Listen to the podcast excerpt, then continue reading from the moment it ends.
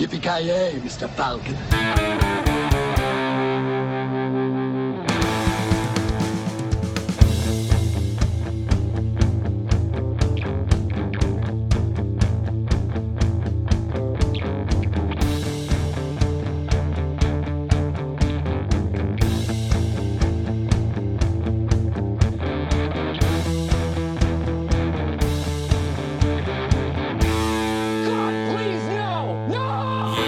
Jajamensan gott folk, då har ni kommit till Creative Milton Podcast avsnitt nummer 45. Alltså tiden går fort grabbar och då har ni med mig Kalle fortfarande. Joakim Granström, still here. Joakim Avoya. Och Kent. Och wow!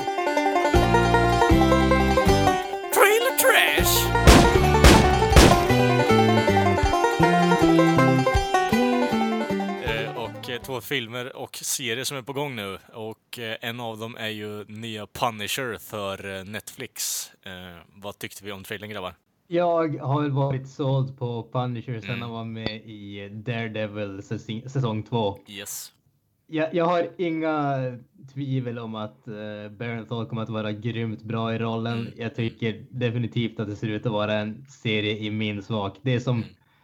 det som man får sätta förhoppningen till är ju att vi faktiskt får den kvaliteten som vi, vi tror. Marvel-serierna kan man väl säga har gått ganska stadigt neråt sett i kvalitet. Mm. Och vi får väl hoppas att det här är den serie som bryter den trenden. Jag håller definitivt tummarna för det. Mm. Kent? Ja, jag tycker i princip det som Granström sa nu håller jag med om. Mm. Det är ju, som du säger, de har gått neråt, men det här känns som att det kan nog fan nästan bli den bästa när man ser den trailern tycker jag. Mm. Det verkar... Och Jag hoppas att det är som den trailern, liksom att det, det är skoningslöst, det är Mm. rated R så att säga, eller värre. Det är ultravåld med andra ord. att, att man verkligen får se en riktig, riktig The Ja, Punisher. precis, precis. Vad skulle du säga? Jag tänkte bara lite ultravåld tänkte du där i stort sett eller? Att det är excessive as fuck. Ja. Ja, precis. Ja. Ja, men det är ju fan det hela karaktären och serien handlar om Jo. Alltså. en galen amerikanare med som har PTSD som försöker hämna sin familj och eh, skapa rättvisa här i världen genom att döda kriminella. Ja, ja men jag känner att det, det kan inte bli en bättre trailer än det här egentligen. Och alltså, själv, Ja. och, lä- och lägga in One också med tanke på PTSD. Eh, det är typ, oh, oh, jag blev lite hård där ett tag faktiskt när jag lyssnade, såg på det på första gångerna där, men eh, ja. Nej, jag ser, jag ser gravt fram emot den här faktiskt. Gravt fram emot det. Du då. Jocke? Bra. En, en, sak, en, en sak som var rolig med trailern tycker jag att det är ganska tydligt vilken eh, demografi man riktar upp i.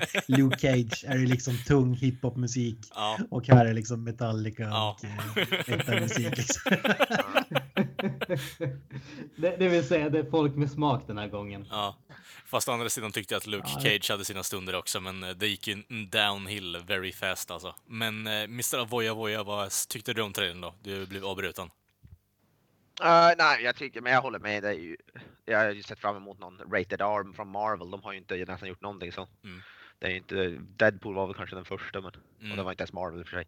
Men nej, jag tycker det ser jävligt bra ut. Jag, jag har alltid gillat Punisher som karaktär också och John Berthel Mm, grym mm. i säsong två av Daredevil. Så jag håller med om Granström där så. Ja. Mm. Nu har inte jag sett på någon annan. Jag har sett på Daredevil, den enda andra Marvel-serien jag har sett på. Jag har inte sett på någon annan förutom Daredevil tror jag. Där jag inte varit intresserad av någon av dem, men den här ser riktigt bra ut. Mm. Ja, du, du missar ingenting om vi säger så. vad, tyck, vad tyckte ni handelsmässigt av det man fick säga? Vad, vad tror ni att det kommer handla om? Liksom? Det verkar vara origin story som jag, Mm. jag alltså typ, ja klassisk origin story. Punish, Punishers origin story, vad jag kan se. Jag Tror att den det går, tror att den går bakåt från Daredevil-serien? Alltså det, han har väl egentligen jag blivit... tror- Ja, men jag tror den utspelar, Fått sin det ser ju ut som att den utspelar sig Ja. nästan före det, han som händer Daredevil, om vad jag kan förstå. Jag tror det kommer vara mer att du får splashes av eh, Flashback i serien till det som hänt innan och så är det väl någon form av sammantvinning med eh, dels Jessica Jones, eh, Luke Cage och Daredevil och allt möjligt skit med tanke på att de håller på att bygga upp det där universumet och göra en stor grej av det. Men jag hoppas ju att han får göra någonting eget istället så att man skippar alla onödiga jävla cameos. Men det kommer ju vara i alla fall, oavsett om man vill eller inte. Den enda man såg här det var väl hon som jobbar åt, på, Ja. åt Matt Murdock. Och, Mm. Ja, precis. Ja. I övrigt var det väl ingen... Nej.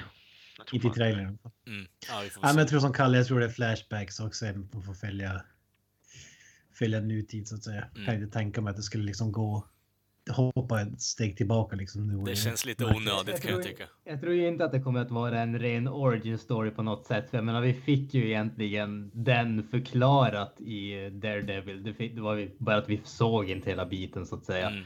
Men jag skulle mycket väl kunna tänka mig att de gör egentligen samma stil som de gjorde med Luke Cage och Daredevil. Att första halvan av säsongen är som en handling och andra halvan är en liten annan. Så Mm. att det, det blir någon typ av ark också.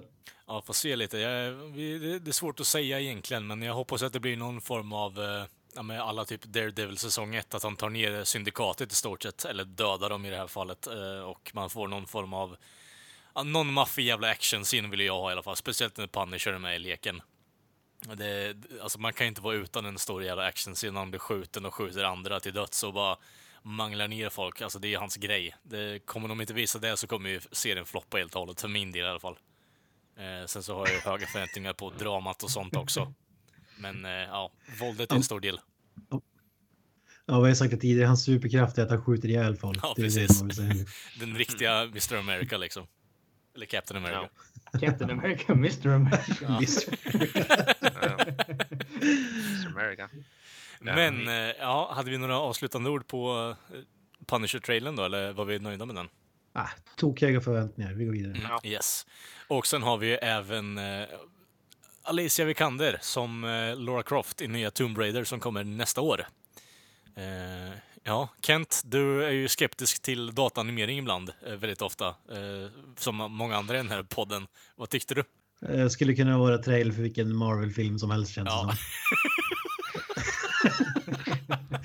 Nej men alltså Tomb Raider är ju te- gammalt tv-spel och Mm. för den som inte har någon aning vad det är. Och om man det som en tv-spelsfilm, jag har inte fått någon vettig sedan Doom så Mm. ja, Det får är se. dags alltså. Ja, precis. ja, men det, jag tycker, ja, som du säger, CGI, men det är ju så när det kommer trailers, det är ju, det är ju aldrig klart det som visas. Mm. Men om, Så man ska, jag- inte, man ska kanske inte ja, döma ut det helt. Det såg ju inte lika illa ut som när vi såg trailern från Justice League till exempel. nej, det är sant. ju Det är sant. bara för jävligt ut. Men om, vi sätter in, om jag sätter in, om du sätter in det en del av trailern då, när hon hoppar från eh, flygplansvingen och eh, från ingen, tomma intet bara skjuter upp typ två meter upp i luften så att de kan ta tag i eh, räcket. Vad tyckte du om det? Ja, Hon har jävligt 5. fläskiga benmuskler. ju Ja, precis. den frågan. Och en Alltså. stor delay på sitt hopp Exakt. också. Så fusk. Nej, men eh, som stort Tomb Raider-fan så ser jag faktiskt lite fram emot det här. Eh, alltså, Det ser faktiskt... Ja, Ja, det, det är mer såhär bara, okej, det ser bra ut, hon är en helt okej skådis. Eh, det ser ut som att de kommer göra någon form av remake på de nyare spelen, där hon inte har så stora pattar och så vidare, och eh, är lite mer, ja, mer karaktär i stort sett. Så vi får väl se vad som händer, men eh, ser fram emot att se mot eh, vad det kan stå upp sig mot Angelina Jolie-filmerna, eh, för de kan inte vara mycket sämre egentligen. Men eh, ja, vi får se lite vad som händer. Jag ser fram emot den, för jag är ett stort fan av spelen. Så. Ja, så det ser jävligt... Looken har de fått till det perfekt för de nya Mm. spelen. Hon ser nästan hon ser fan exakt ut som Lara Croft i de nya spelen. Mm, Och mm. det ser verkligen... Sen var det några lite överdrivna CGI-scener Ja. som såg ut det. Men det, så de nya spelen, det, det ser definitivt troget ut. Och jag tycker Alicia Vikander är en jävligt bra casting faktiskt. Men- Och ja, Walton Goggins som the main villain tycker Mm. jag är awesome. Jag älskar Walton Goggins, jag tycker han är grym. Vad eh, Tack. tror du om handlingen då, Jocke? Nu har inte jag spelat de nya spelen i sin helhet, jag spelade lite grann av det första bara, men äh, det, känns som, det, känns som Tomb Raider. Det är väl, det, de har ju tagit storyn rätt, rätt mycket från de här nya spelen känns det som. Mm. De, hon kraschar med flygplanen på någon jävla ö och så det är typ och så, så, några pirates där eller vad man ska kalla det. Ja, precis. Och, ja, och så går hon och letar efter lite skatter och sånt. Ja, det är, klass, det är en Tomb Raider story. Varken mer eller mindre. Sen får vi se vad de gör med. Men äh, de, Alicia Vikander i alla fall, det är väl det mest positiva med, med vad jag kan säga med trailern. Ser ut som en bra Lara Croft. Det känns inte som en bra alltså, övergång från en Oscar till en spe- tv-spelsfilm, om du frågar mig alltså, men det är kanske bara jag. Ja, jag vet inte. Ja, vi får se lite. Ja, jag, har inte, jag, har inte sett, jag har inte sett med hon så mycket. Hon är jävligt Ja. bra i en film som heter Ex Mach- Machina. Ex Machina, jag Mm. vet inte hur man ska Ja. uttala det. Där är hon jävligt bra. Men det är väl i princip bland det enda jag har sett henne i. Så jag Okej. kan ju inte säga allt för mycket. Mm. Vad gör Granström man då? inte för pengar så att säga? Nej, precis. Vad sa du? Vad, vad gör man inte för vad? Pengar. Ja. Men eh, Granström då? Jag skulle nog Vad... sälja mig jävligt billigt jämfört med henne förmodligen. Fy fan. Då vet ni. Hollywood. Då vet ni. Här har ni en som är... ge mig ett, ge mig ett skrov på Mac- McDonalds så är jag nöjd. Ja, typ. Nej, men eh, jag, jag ska väl säga att jag är försiktigt, eh, försiktigt eh, intresserad av filmen i alla fall. Ah, okej, okej. Det, det, alltså, det här är ju samma grej som Assassin's Creed. Kollar man Ja, liksom bakom mm. kulisserna, alla skådisar och allting sånt så hade den filmen alla möjligheter att bli hur bra som helst, mer eller mindre. Mhm. Men sen så var den givetvis eh, baserad på ett tv-spel, vilket innebär att det blir skit. Och det, det, det finns ju risken att det här blir samma grej. Kollar man bakom, bakom kulisserna på skådespelarna som är med och hela den biten så det finns alla förutsättningar för att det kan bli någonting som är bra. Mm. Men sen är den baserad på ett tv-spel så vi får se vart vi hamnar därefter. Jag tycker trailern som så tycker jag absolut ser helt okej ut. Mm. Eh, Det verkar väl kanske inte vara någonting banbrytande nytt, men det ser, det ser ut som en, en modern uppdatering på klassiska Indiana Jones eh, äventyrsgenren så att säga. Och jag tror definitivt att det kan bli någonting att se fram emot. En sista grej, bara, jag har aldrig spelat spelen och sådär. Jag, jag tror jag har testat en gång, men det var typ 20 år sedan. Men är det så mycket handling i spelen eller är det som tv-spel brukar vara, att det finns liksom inte så mycket att jobba med förutom att det är Indiana Jones rip-off liksom. Ja, det är mer action. De nya spelen. har Ja. ju betydligt mer handling än Mm. de gamla. Da- där finns det faktiskt eh, karaktärer och hela den biten. Sen ska jag inte säga att det är någonting som är speciellt djupt, men jag tycker definitivt att eh, spelet, de senaste två spelen var en stor uppryckning jämfört med tidigare i alla fall. Mm, det håller jag med Det om. är det jag inte gillade i slutet på trailern, då gick de ju över till de gamla Lara Croft. De tog två pistoler där hon hade så, så ponytail och det, det vet jag inte hur jag kände där. Jag vet inte om det var bara för att göra någon slags hommage eller om jag vet inte. Jag tyckte det kändes lite krystat alltså. Det, det, det kändes väl inte som någonting att haka upp sig på. Om man ska haka upp sig på någonting så är det ju faktiskt eh, Alicia Vikanders hals slash nacke i posten. Jag vet inte om ni sett Ja, ja. Ja. Mm. Alltså, vad i helvete är det? Ja, det det ser ut som en giraff på någon jävla... Ja, de har misslyck, väldigt misslyckat Photoshop-jobb där tror jag. Ja, väldigt. Och att de har låtit den gå igenom och ja, nej. Det, det ser ju ut som är E.T. typ eller någonting. Ja, men typ. Vi kan their phone home. Jag- såg någon sån här kommentar, jag, jag tror att det var på Twitter, men det kan hända att det var på Facebook, där det var liksom, eh, the exec- executive word var liksom, vi måste kunna se hennes stjärt och hennes ansikte samtidigt. Det spelar ingen roll hur ni gör det, men det måste hända. Ja. Och att de inte dragit tillbaka den, bara låt, ja, vad fan vi låter den vara. Han har ju spenderat pengar på den, kan ju inte dra tillbaka den då. Fan, måste ju tänka ekonomiskt. Ja. Ja, Men, eh, ja, precis. Men, ja, det är två grejer som förhoppningsvis kommer bli bra. Förhoppningsvis, håller tummarna. Eh, och eh, vi går jag, tror, jag tror inte det kommer att bli bra. Jag tror det kommer att vara vilken generic actionfilm som helst. Antagligen. Däremot tror jag att det känns som att för att vara en tv-spelsfilm så kanske det blir helt okej. Ja, det kan ju För som att vara sagt en inte... tv-spelsfilm så skulle generic action movie hamna väldigt, väldigt högt upp på listan. Ja, faktiskt. Ja, jag menar det. Doom! Doom 10 av 10. Mästerverk. Vi går vidare.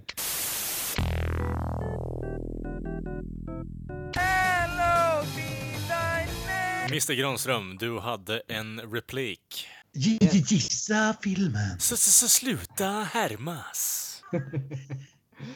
Yes, vi kör den här igen. Vi börjar kunna det med det här laget, men jag drar igenom det fort, lite kort. Jag kommer att eh, säga några repliker från en film som är känd, skulle jag våga påstå.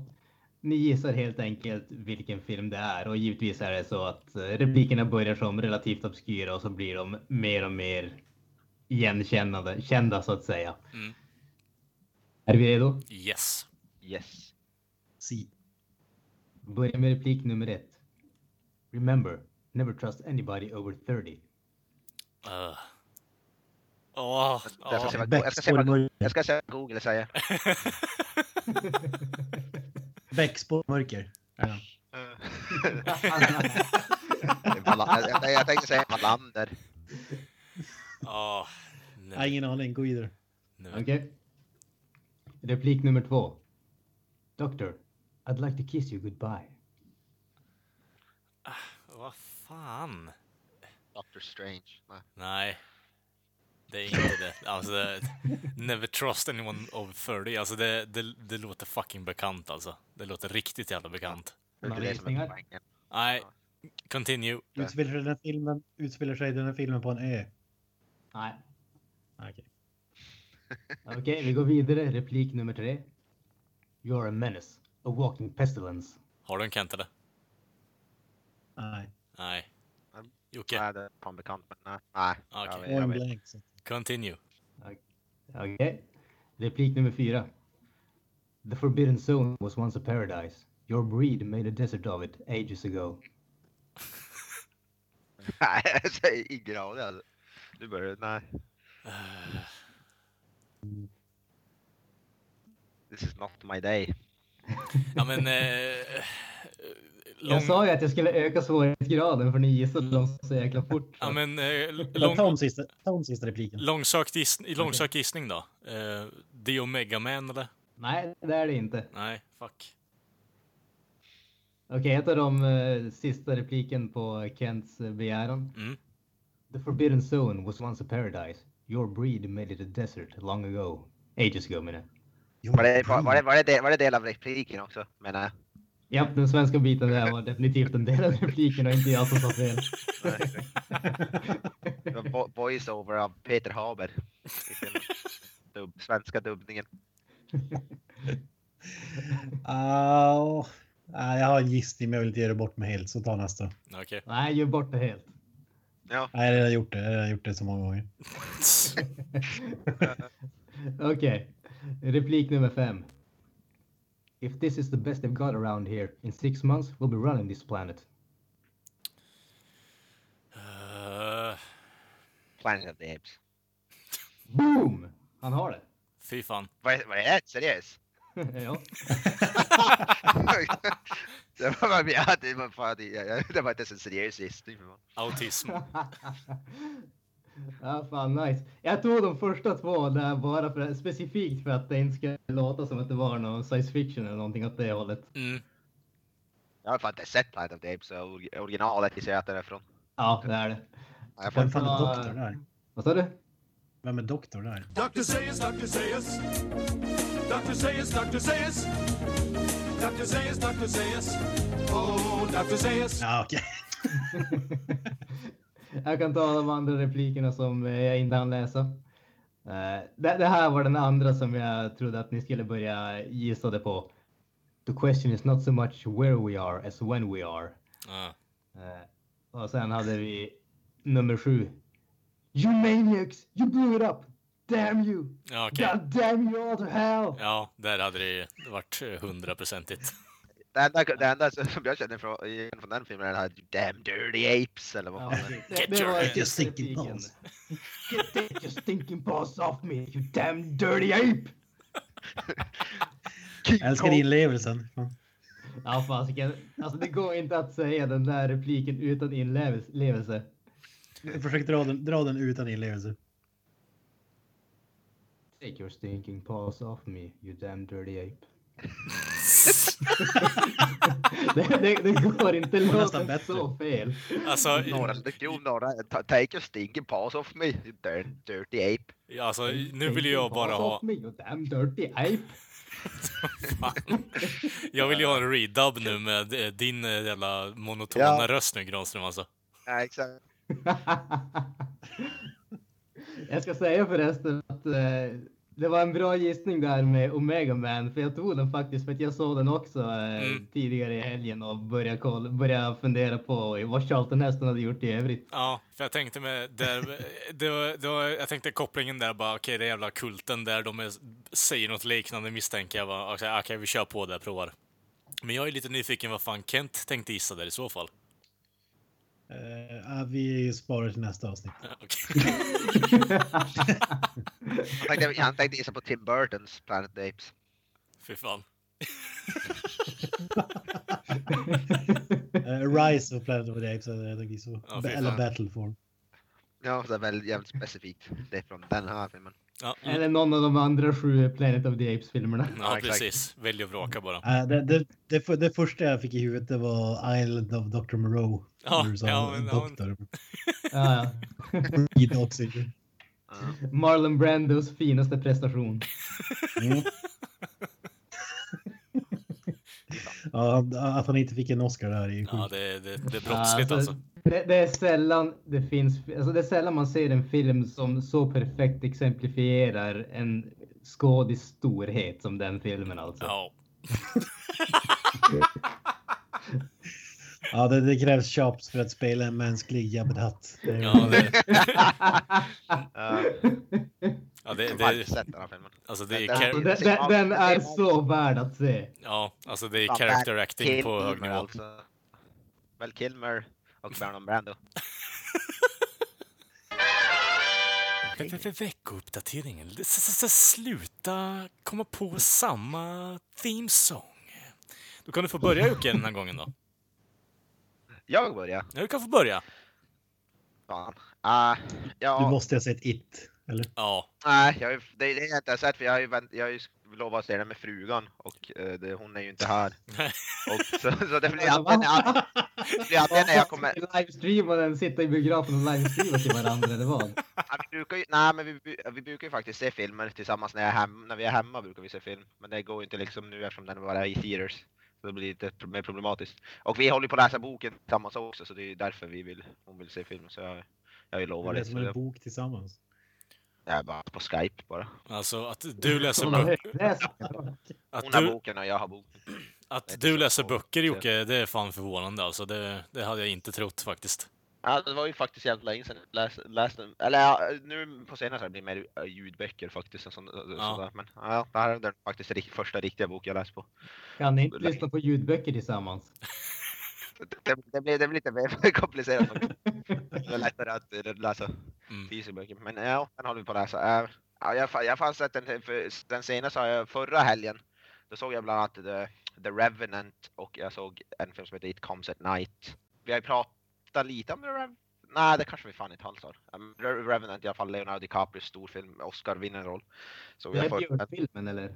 ja, han blir ju våldtagen av en björn. Ah, ja, ja, eh, mm, alltså, ja, ja, ja, jag tyckte den var jävligt bra faktiskt. Jag, jag, jag älskar ju regissören Gon Injaritos film Birdman och den här, jag tyckte den här var riktigt bra alltså. Jag gillar den så fan. Är bland den sn- snyggaste filmen jag sett kanske i mitt, hela mitt liv, rent visuellt i alla fall. Mm. Fruktansvärt snygg film.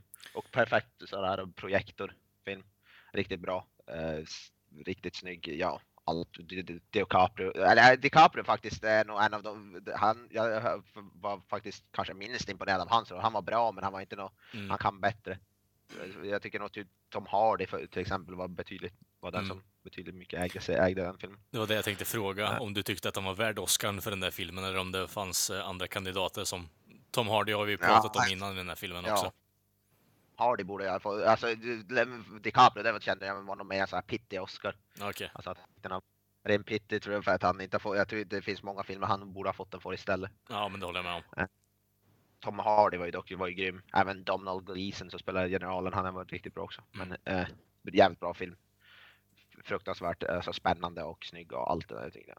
Eh, ska inte snacka så mycket mer. Jag såg en film också som heter It Comes at Night. En jävligt bra ny postapokalyptisk film med eh, Taron Edgerton. Nej, inte Taron Edgerton. Vad fan heter han? Ja. Eh, Ed, Ed, Edgerton någon, någonting. James, Ed, jag kommer fan inte ihåg vad han heter. Okej. Men det är Ed, Edgerton någonting. Mm. En bra postapokalyptisk film som är Alltså allt annat vad man kan tänka sig. Det är inte en ny I am legend. Det är en familj som bor ute i skogen och efter någon typ av sjukdom har då utplånat typ allting. Och den är jävligt liten som thriller. Jävligt klaustrofobisk kan man tänka. Men det är inga springande zombies. Det är inga Åh, ja, skrikande monster. Det är bara en hel familj som, är, som försöker som bara överleva. Och den är jävligt, jävligt bra faktiskt. fan, det låter jävligt intressant faktiskt. Det kanske blir en titt på den då. Ja, det är ingen, det är, ja. Det är, det, det är som bara, det är en familj, för en pappa, en, en, en son och eh, morsan då. Och de försöker överleva bara ute Mm. i skogen och Mm. ja, ja, jävligt, jävligt bra thriller kan man säga. Mm.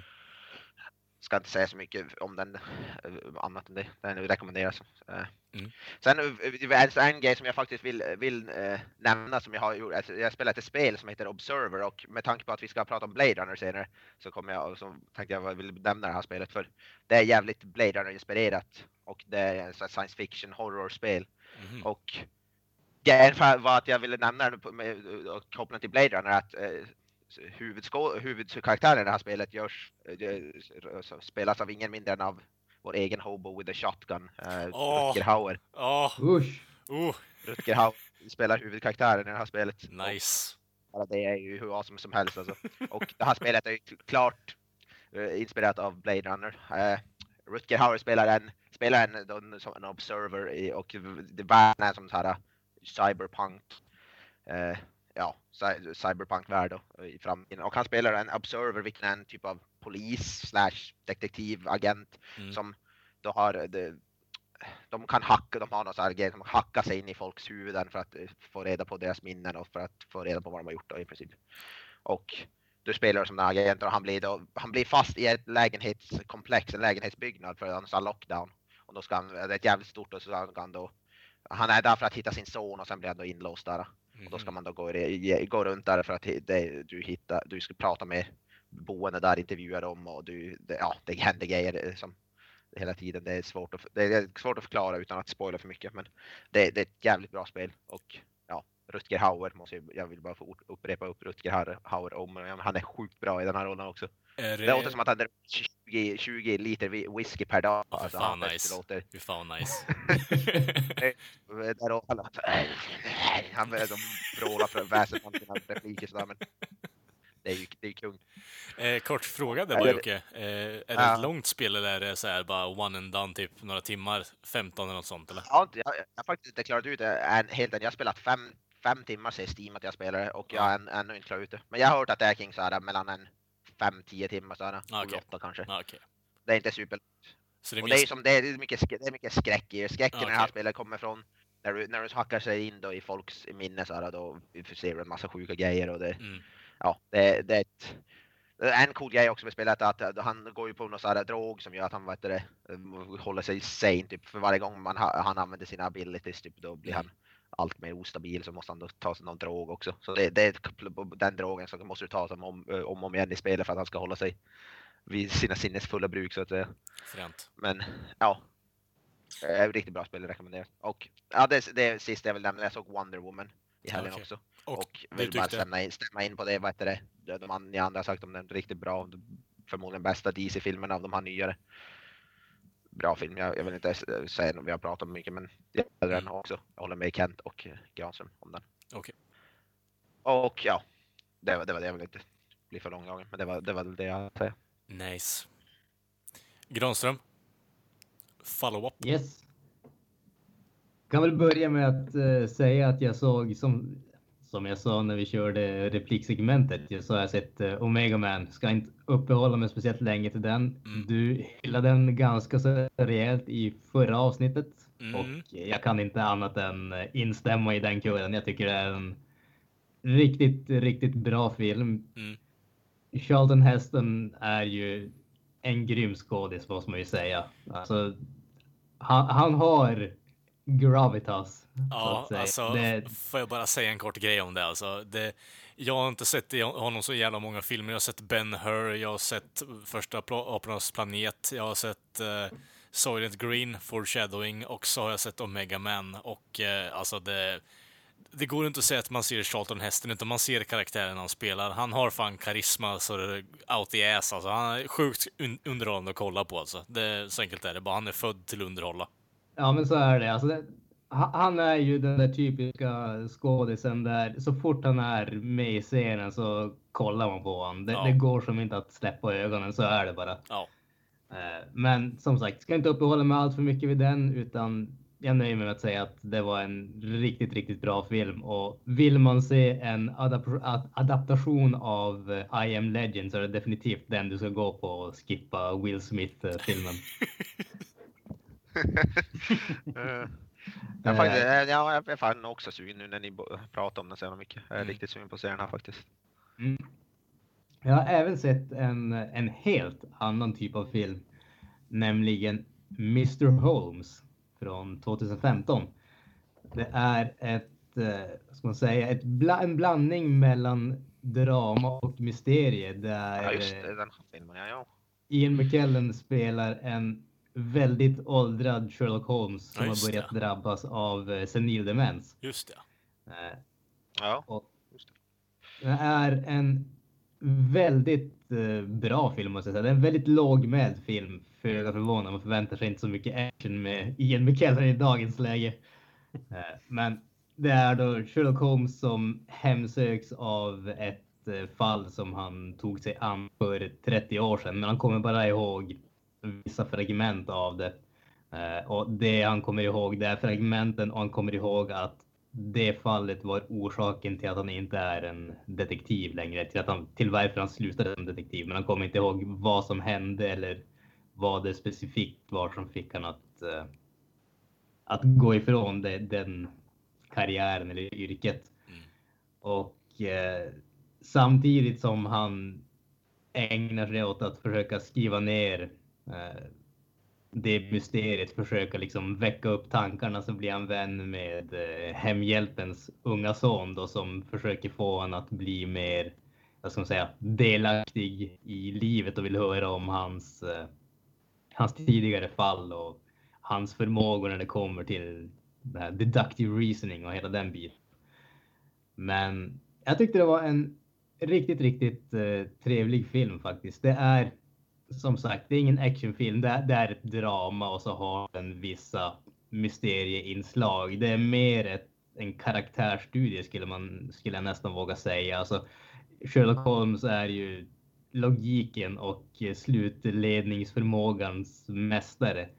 Och vad, vad händer när liksom alla människor som man har omgett sig med har dött bort och intellektet, det som man har förlitat sig på genom hela livet har börjat svika en. Vad, vad händer då ungefär? Så Mm.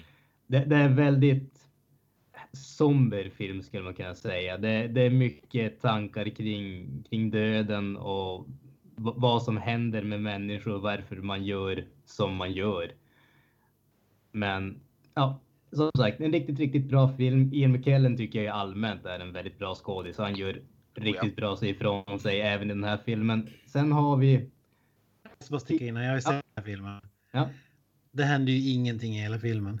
här som sagt, det är en väldigt lågmäld och långsam film. Jag, jag har inte sagt någonting annat. Det, det är som Nej, sagt... nej, men jag, Eh, jag tänker bara för, för de som lyssnar på det här. Att om, om man tänker, det är typ motsatsen till den nya tv-serien om man säger det med Benedict Cumberbatch. Alltså det händer ingenting.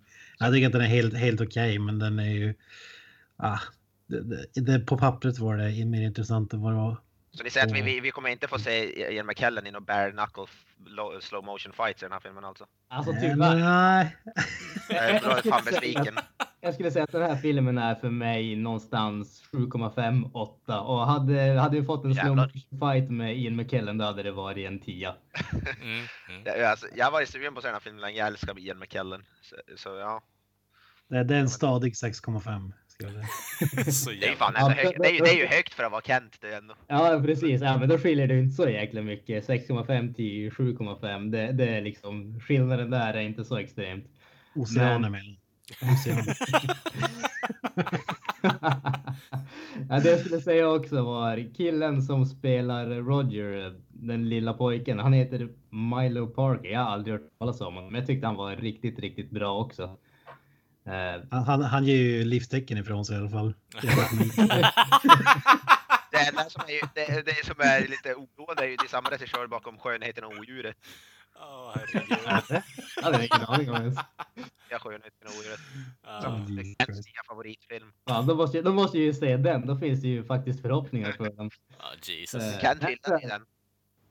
Jag ska inte uppehålla mig allt för länge med den här filmen heller, utan jag tycker att det är en, en väldigt bra film. Jag tycker att den känns väldigt, vad ska man säga, värdig på sätt och vis. Alltså, just Sherlock Holmes drabbas av senil demens. Det hade antingen kunnat bli extremt eh, tråkigt och eh, är. gravallvarligt eller så hade det blivit någon sorts ungefär. Jag tycker att de, de håller sig på, på rätt nivå utan att låta det bli liksom överspelat och eh, ja, ko komiskt om man säger så. Det, det går aldrig över den gränsen. Det, det, liksom, det känns respektfullt och ändå känslomässigt ärligt på något sätt tycker jag. Så att, nej, jag rekommenderar den definitivt.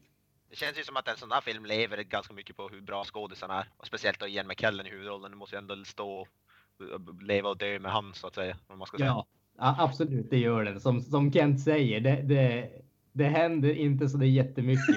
Det är ju som en karaktärsstudie så att den står och faller på skådespelarna och glädjande nog så är de riktigt, riktigt bra i den här filmen. Så jag vill säga att filmen står hela vägen. Det är lite Nambla-varning på dem bara. Ja. Det var en referens man inte hörde igår. Jag, är- jag, jag är helt lost. North Ja, vi- vi går American vidare. Association från Daily Show pratade väldigt mycket om det, åtminstone för några år sedan. Jaha. Ingen aning faktiskt.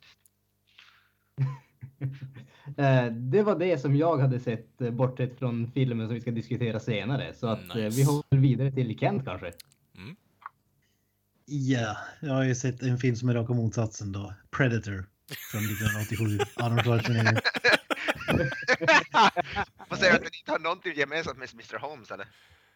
Ja, det, det, det är kanske lite mer explosioner och grejer i Mr. Holmes. Men, Definitivt. Kommer förmodligen från Ian McKellens ålder snarare än effekter, men Ja. if, it, if it moves, we can kill it. Det är ju Det var ju det ungen sa i den filmen. Liksom. ja, just det. Predator är en Eh. helt lågmäld film då, alltså. Ja. Nej, jag ska inte prata så mycket om filmen. Ja, den är ju 10 av 10. Det är en av mina favoritfilmer. Fan, alla har väl typ sett den. jag. Ja, ja. Ja, Fy fan. Men jag såg den första gången på Blu-ray och den här filmen är från 1987 och den är sinnessjukt stygg på, på Blu-ray. Själva, vad säger man, transfern eller vad man ska kalla det. mhm. Alltså det dålig sitter- menar du? Nej, alltså sinnessjukt bra. Alltså, Ja, den, bra. Är helt, den är alldeles för bra för att vara från 1987. Det brukar ju vara brus och grejer i gam- äldre filmer. Mm. Men den här ser helt otroligt bra ut, måste jag säga. Bästa ga- äldre film jag sett på Blu-ray faktiskt. Nice. Nice. Rekommenderar att man plockar upp om man vill säga. Gött. Eh, sen har jag sett en... Eh, ja. Don't Breathe. Okej. Film som Just Isak det. Knäs har sett. Jag gillar den där sucken du hade innan du började säga namnet där, så ja, proceed. Ja, ja, jag vet inte vad jag ska säga om den här egentligen. Det är då Crime Horror Thriller från 2016. Där ett gäng, eh, vilka är med i den här? Jag tror att det är han från Avatar, Steven Ja, Lang, Steven Lang. Ja. som spelar en blind gubbe som... alltså premissen för den här filmen, liksom, han bor i ett hus där fyra kvarter är helt tomt på folk. Det är bara han som bor där. Han är blind, han är gammal ex-military man. Och hans dotter har blivit överkörd. Eller mm, av en, av en annan person i en Mm. trafikolycka. Eh, Så han, eh, han får ett liksom en settlement där på, jag vet inte om det var några hundratusentals dollar i alla fall. Ja. Och där kommer det i tidningen och då ska några kids ju, har ju fått eh, napp på det där och fått veta att de har pengarna hemma i huset. Som ska bryta sig in hos dem och sno pengarna. Mm. Ja. Men eh, ja, Det är den mest långsökta jävla handlingen och filmen någonsin jag sett tror jag. Och sjukt förutsägbar. Gör alla misstag som en så kallad skräckfilm ska göra liksom. Men ja, jag vet inte varför jag såg den egentligen. För att på förhand så lät det inte ens intressant. Men jag, jag såg den i alla fall. Och jag, jag, jag, jag tyckte inte om den. Alltså det var helt... eh, Om vi säger han, han bor helt ensam. Eh, hans, hans dotter var den enda liksom relative och hon dog. Ändå har han tidningsurklipp hem från olyckan. Mm. Han är blind. Hur i helvete går det ihop? Ja. Det var väl hemhjälpen eller. Han, han är ju Daredevil liksom om man säger så med, med sina sinnen. Mm. Han kan göra allting liksom, känner allting. Han kan fighta, han kan skjuta, han kan, ja. Nej, jag behöver inte prata så mycket med den. Jag tyckte den var urusel faktiskt. Det är en 4,5 4,5 på IMDB-skalan för min del.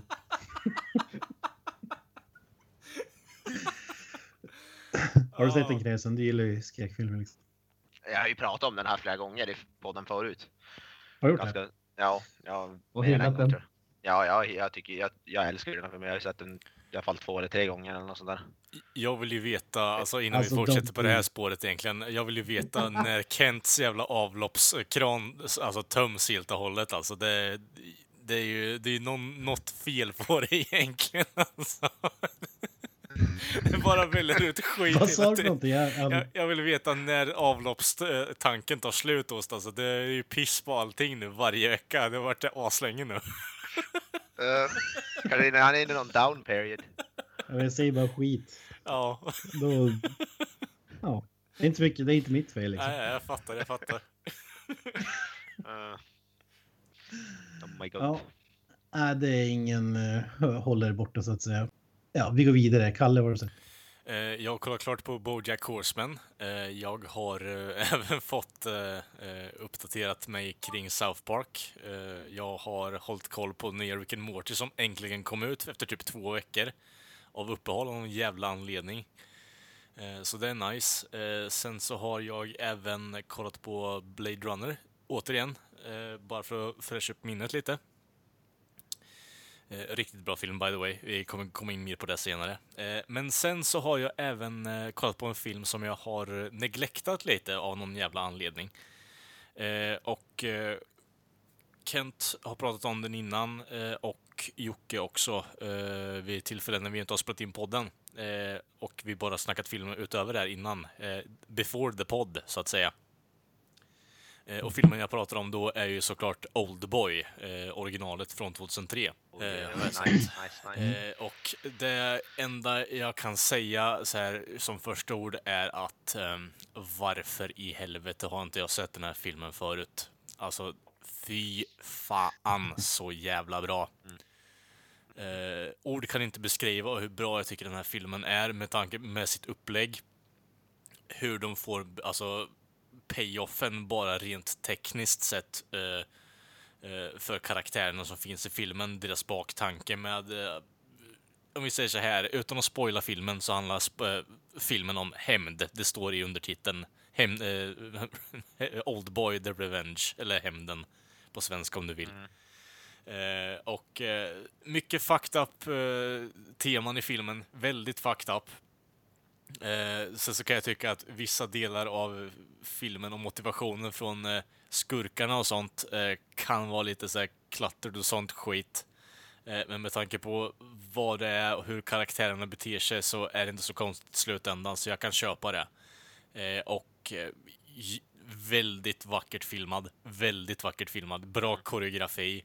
Eh, det finns en scen då huvudkaraktären har blivit inlåst i en cell i typ 15 år. Han kommer ut och det är hela premissen. Han ska leta upp sina captors i stort sett och eh, ta reda på varför han blivit inlåst och eh, eh, ja, se till så att han inte dör med andra ord.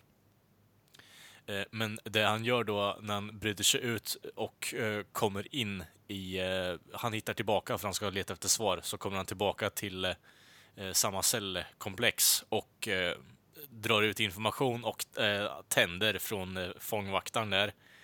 Eh, och slutar i en, upp en korridor där han typ ska slåss mot eh, 30 personer. Och det är i stort sett fem minuter lång sekvens där det är koreograferat och det är inte klippt någonting överhuvudtaget. Och jag bara gushar at the mouth och bara åh herregud vad snyggt, herregud vad bra, herregud vad bra, åh, åh, åh, åh. jag kan inte sluta hålla med. Alltså det är så... Egentligen vill jag berätta om allting i den här filmen, men jag, har inte nog med tid med tanke på att vi har lite tajt schema den här veckan. Eh, men alltså, det, för folk som inte har sett Oldboy-hämnden, eh, ni missar någonting alltså. Eh, ni missar någonting väldigt intressant. Även om ni har svårt för att se ultravåld, eh, alltså teman som kanske inte är så jättehyped och tabubelagt i slutändan. Eh, det, det är värt det. Det är värt det, helt klart. Helt klart värt det. Alltså 10 av 10, hela vägen. Det, jag kan inte säga något Den annat. scenen som du, den scenen du pratar om, den är ju så cool. Det är ju som ett side-scrolling gammalt Ja, så här ja, typ actionspel från sidan. Det är ju så sjukt coolt filmat. Ja, jag, jag, jag, Ja, jag håller med. Alltså, fruktansvärt alltså. filmen, Fruktansvärt bra. det är en av mina favoritfilmer. Ja. Ja. All, alltså varit jävligt länge. Mm. Fruktansvärt bra. Eh, jag tycker att slutet är lite så här. Eh, det, det, jag gillar inte så här ambiguous slut egentligen, men jag tyckte det där passar jävligt bra med tanke på eh, vart han kommer och vart han i slutändan vill eh, göra med sitt liv och fortsätta det på det spåret som han kommit in på. Det, han, han stänger in sig ganska ordentligt, gör han. Eh, och så blir det lite mer så här ambiguous bara, okej, funkar det där som han gjorde i slutändan eller inte? Han får på ett leende och som går över till mer så här smärtsamt bara frustration i blicken på honom, så man vet inte riktigt bara, kommer han leva hela sitt liv med vetskapen om det där eller kommer han leva i ja, utter bliss bara och vara nöjd med sitt liv? Äh, fruktansvärt bra. Alltså, jag är inte så här jätte inne på lyckliga slut när det behövs. Eh, alltså, om man pissar på en karaktär tillräckligt mycket så kan jag tycka, okej, okay, karaktären kanske behöver ha något lyckligt slut nu. Men uh, sättet den här filmen tar ut sin huvudkaraktär och bara pissar på honom hela filmen. Eh, det är i mitten när han får sina slagsmålscener och får slås tillbaka efter att han har varit instängd i 15 år som han riktigt bara Fan, jag, jag känner för den här karaktären. Vad har han gjort? Jag vill veta vad han har gjort. Har han gjort något fucked up? Och i slutändan så kan jag nästan säga själv eh, här och nu utan att spoila någonting att jag tycker inte han har gjort något fucked up. Han har sett något riktigt fucked up. Eh, och han, han dras ju in på att göra fucked up saker i slutändan med tanke på eh, den som han eh, blir tillfångatagen av och hyp, ja, hypnotiserad blir han i slutändan. Men med tanke på att det, det syns ganska tydligt i början av filmen också.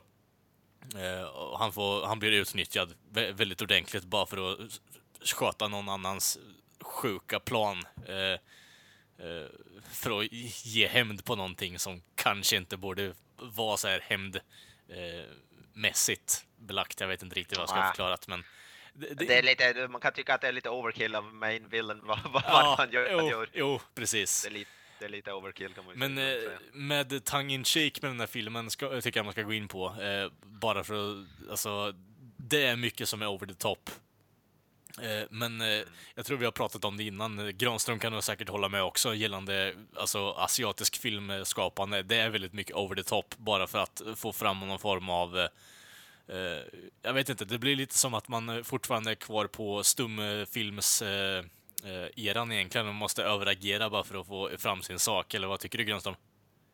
Ja, men så kan det absolut vara. De har väl säkert, och det finns säkert några jättefina kulturella orsaker till varför det är så, men de, de har ju inte riktigt samma subtilitet som finns i Mm. kanske europeiska filmer först och främst skulle jag våga påstå. Amerikanska givetvis till viss del, men det, det är som du säger, det är mycket over the top. Det är betydligt större gester och rörelser. Mm.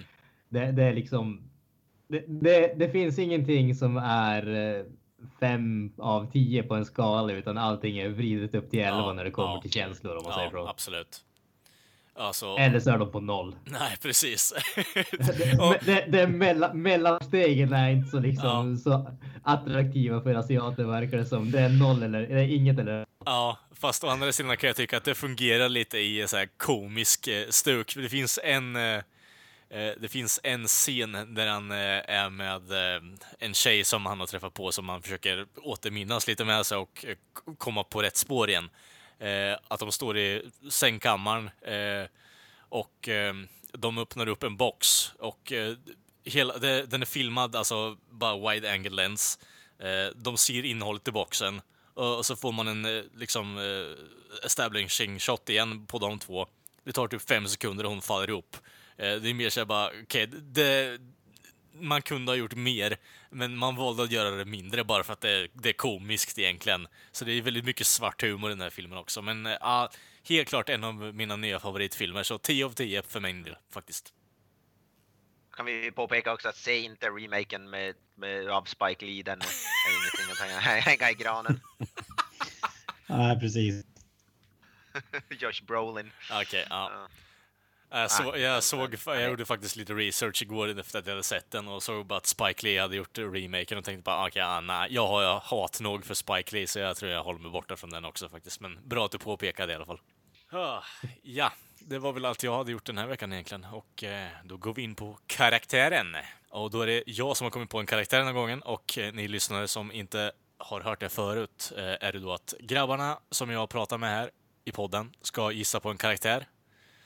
Lista fram vem det är som jag tänker på också och de får använda öppna frågor eh, till mig. Får de göra. Och eh, de ska försöka komma på det så snabbt som möjligt. Och det är då en karaktär inom film eller tv-serievärlden är det. Är det Punisher? Eh, nej, nej, det är inte det. Bra öppen fråga också. Beskriv en vanlig dag för dig. Standardfrågan.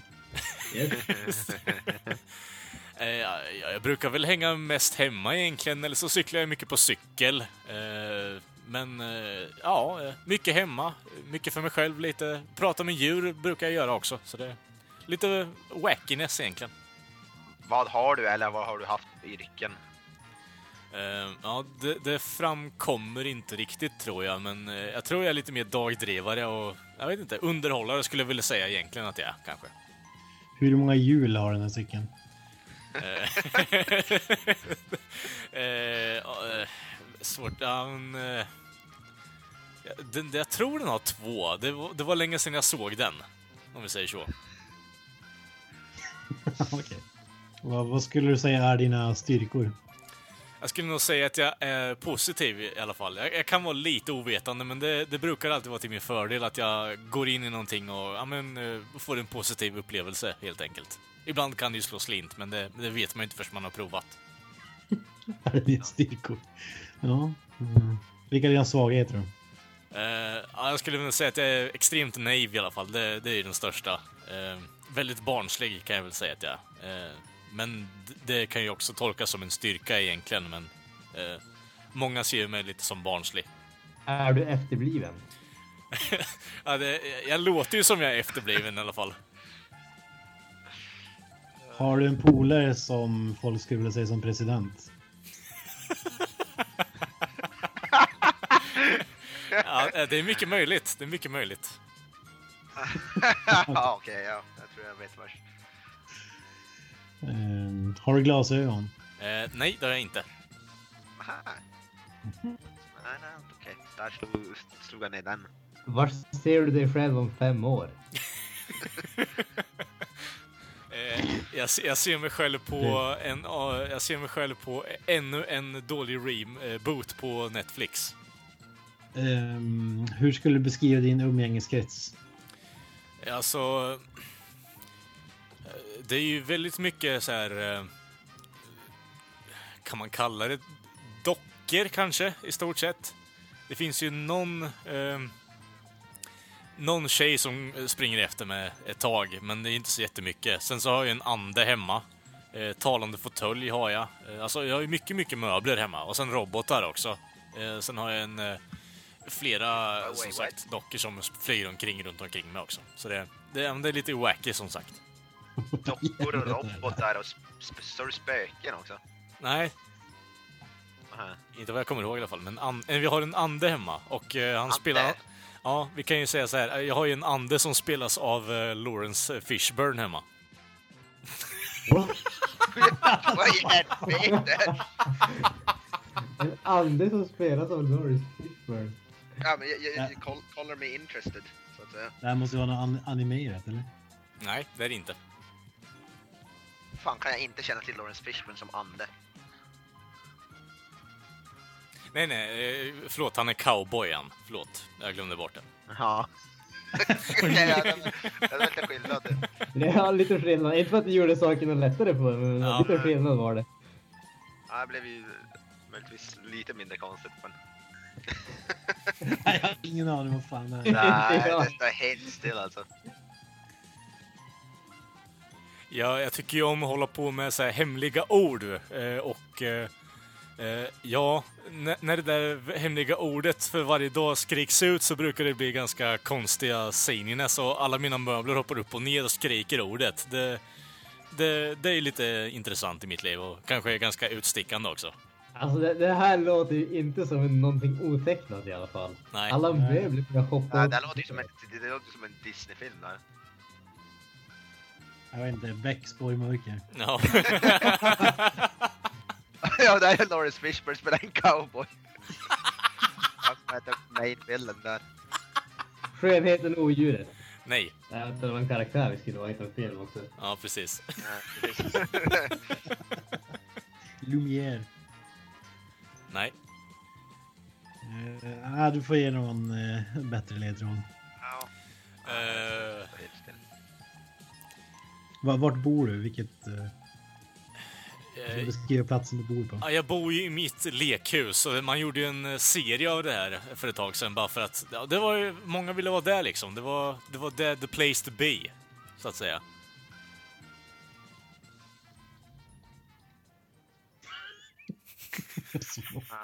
Ja, det, här är något som jag inte har sett i alla fall. Så mycket kan jag säga. ja. Verkar, det verkar kanske bara Kalle som har sett den här av oss. Jag hade ett stort äventyr där på 90-talet. Hade jag, jag letade efter min cykel. Den försvann ju där ett tag också. Så det, det är ju lite... Det är, antingen, det är antingen någonting vi inte har sett eller så är det någon jävligt konstig beskrivning av Matrix. Morpheus. Alltså, när jag cyklar.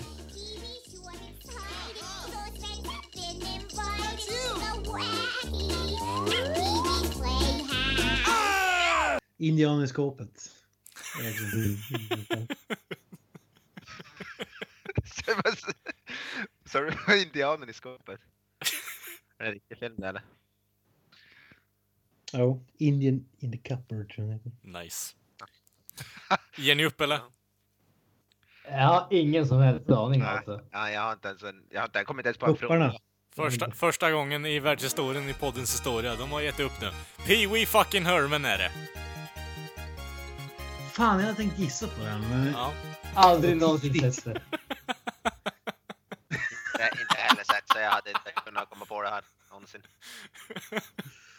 Jag har aldrig sett det. Jag hade ingen aning om att det var pratande möbler och där. För jag hade Pee Wee Herman. så Jag hade, jag, hade ju kunnat, jag hade ju kunnat liksom säga att ja, men, eh, jag blev fasttagen för att onanera på en, på, eh, på en eh, biograf liksom. Men det hade kanske räknat ut det då, Kent, eller? Nej, det hade inte sagt mig någonting. Jag har inte sett det. Är det, är det den här filmen av Tim Burton du syftar på? Ja, precis.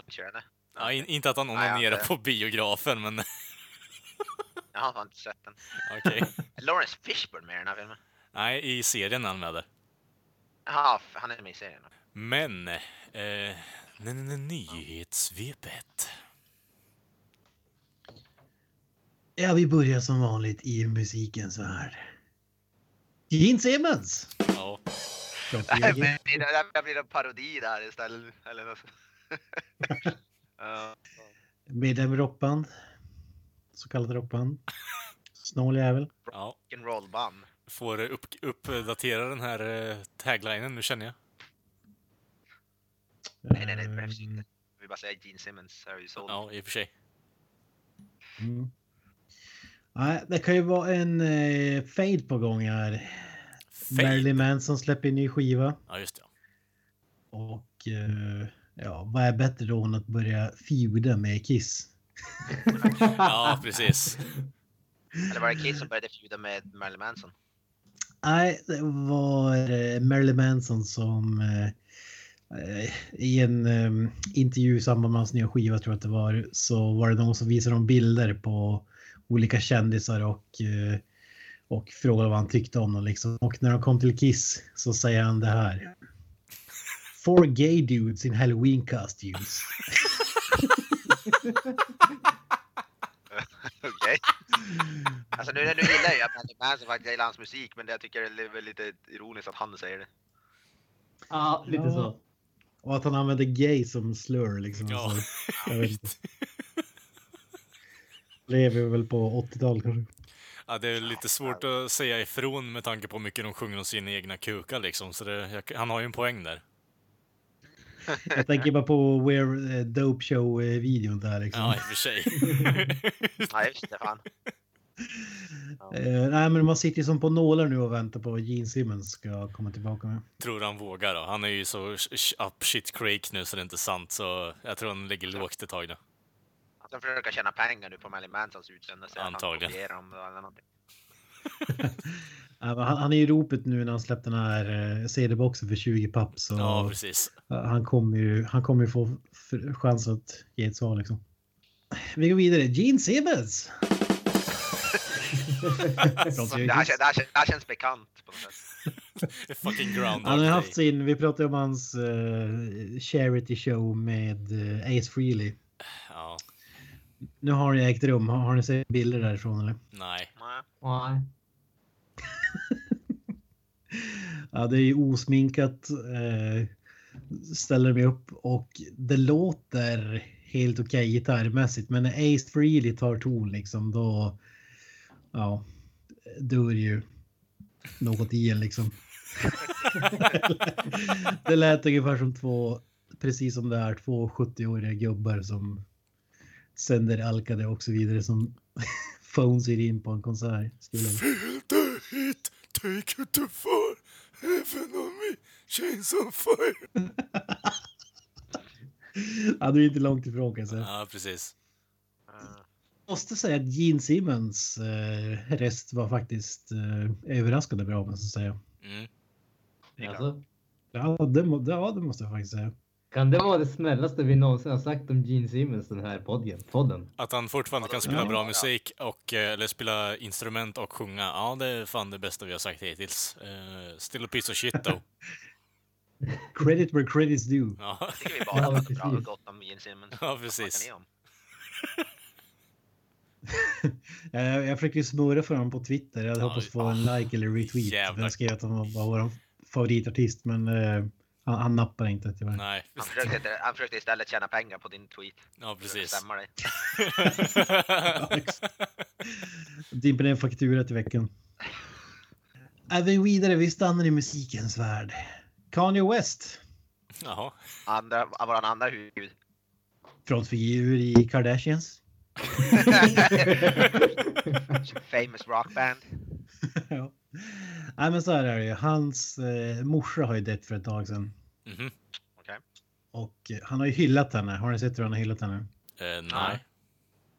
Han, han gjorde det mest logiska för att hylla sin eh, döda mor som stått honom nära och betytt så mycket för honom. Han eh, körde ett PR-stunt och skapade ett dataspel Jaha, Där hans- det är självklart. där hans morsa rider på en unicorn och man ska ta sig till heaven. Ja, vad Okej. fan. Det lät jävligt mysko. Alltså- Det lät jävligt Kanye West.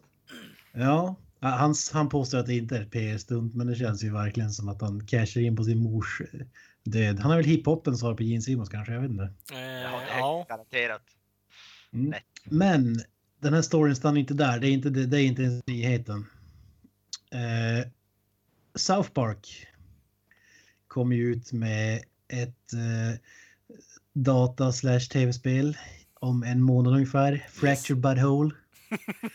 Och de eh, i serien South Park har de ju hånat Kanye West eh, så, re- och retat upp honom så att han liksom avskyr det. Det var ju, det var ju ett skämt om att eh, kan ju klippa in klippet här kanske men eh, eh, Do you like fish sticks?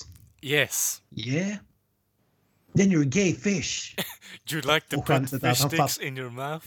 Yes, I like to put fish sticks in my mouth. Then you're a gay fish. I'm not a gay fish! Det här skämtet gjorde att eh, folk skrek ju efter Kanye West i verkligheten. You're a gay fish! West, "Ka- Eller do you like fish sticks? Ja. Ja. Ja, men, han blev ju rasande. Det finns ju videos där när han liksom går till attack mot folk som, som ropar det här åt honom. ja. Så han har inte så bra relation till henne. Men nu har ju South Park släppt en trailer och hamnat i blåsväder för att folk tycker att det här var över gränsen. De har ju då gjort en parodi på spelet om hans döda morsa. I sitt spel. Fan, han de inkluderade det i spelet när det typ är färdigt. Ja, och då är det alltså en Steamen och Gayfish tror jag att den hette.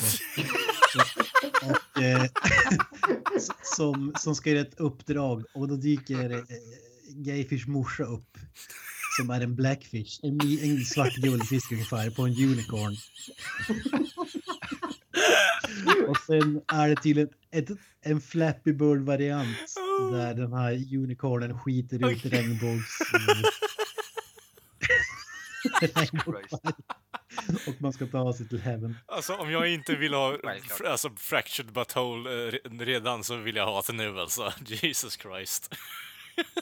Oh my god.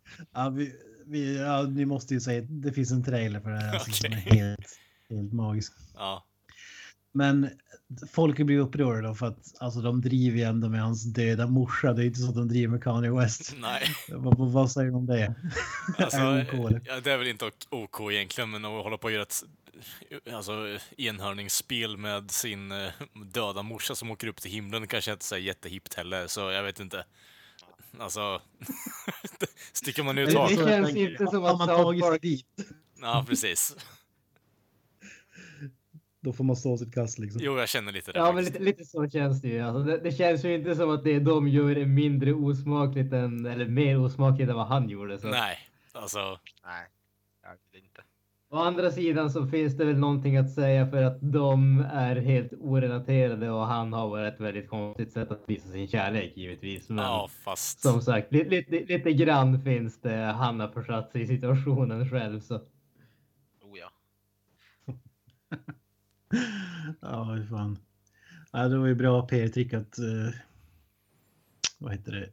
Stir up some shit innan det släpps. Ja, precis. Det var det jag tänkte att uh, South Park tog ju hem vinsten där egentligen med tanke på att spelet höll på att släppas. Då, ja men fan, vi, vi, vi nallar det som Kanye West försökte göra så tar vi credit för den istället. Vem hyllar sin döda morsa som inte ens var en offentlig person Ja, genom att göra ett dataspel med henne liksom? alltså det... Oh, Jesus Christ. Och då slutar det med att när man klarar av det där min- minispelet då, då säger hon typ Thank you, I'm going to heaven. See you soon. Till Kanye West. Vad fan. Ja, fan. Ja, alltså... What do you mean? Ja, jag menar det. Eh, Alltså det nej, större ego inom hiphop-världen får- hittar du fan nog inte. Alltså det, det är som du säger Kent, är hiphopens svar på Gene Simmons. Så enkelt är det bara. Äh, vi avslutar nyhetssvepet med den här nyheten. Nyheten som alla har väntat på. Det blir en Escape en 3 och 2 dessutom. Då spelar det in komplett komplettering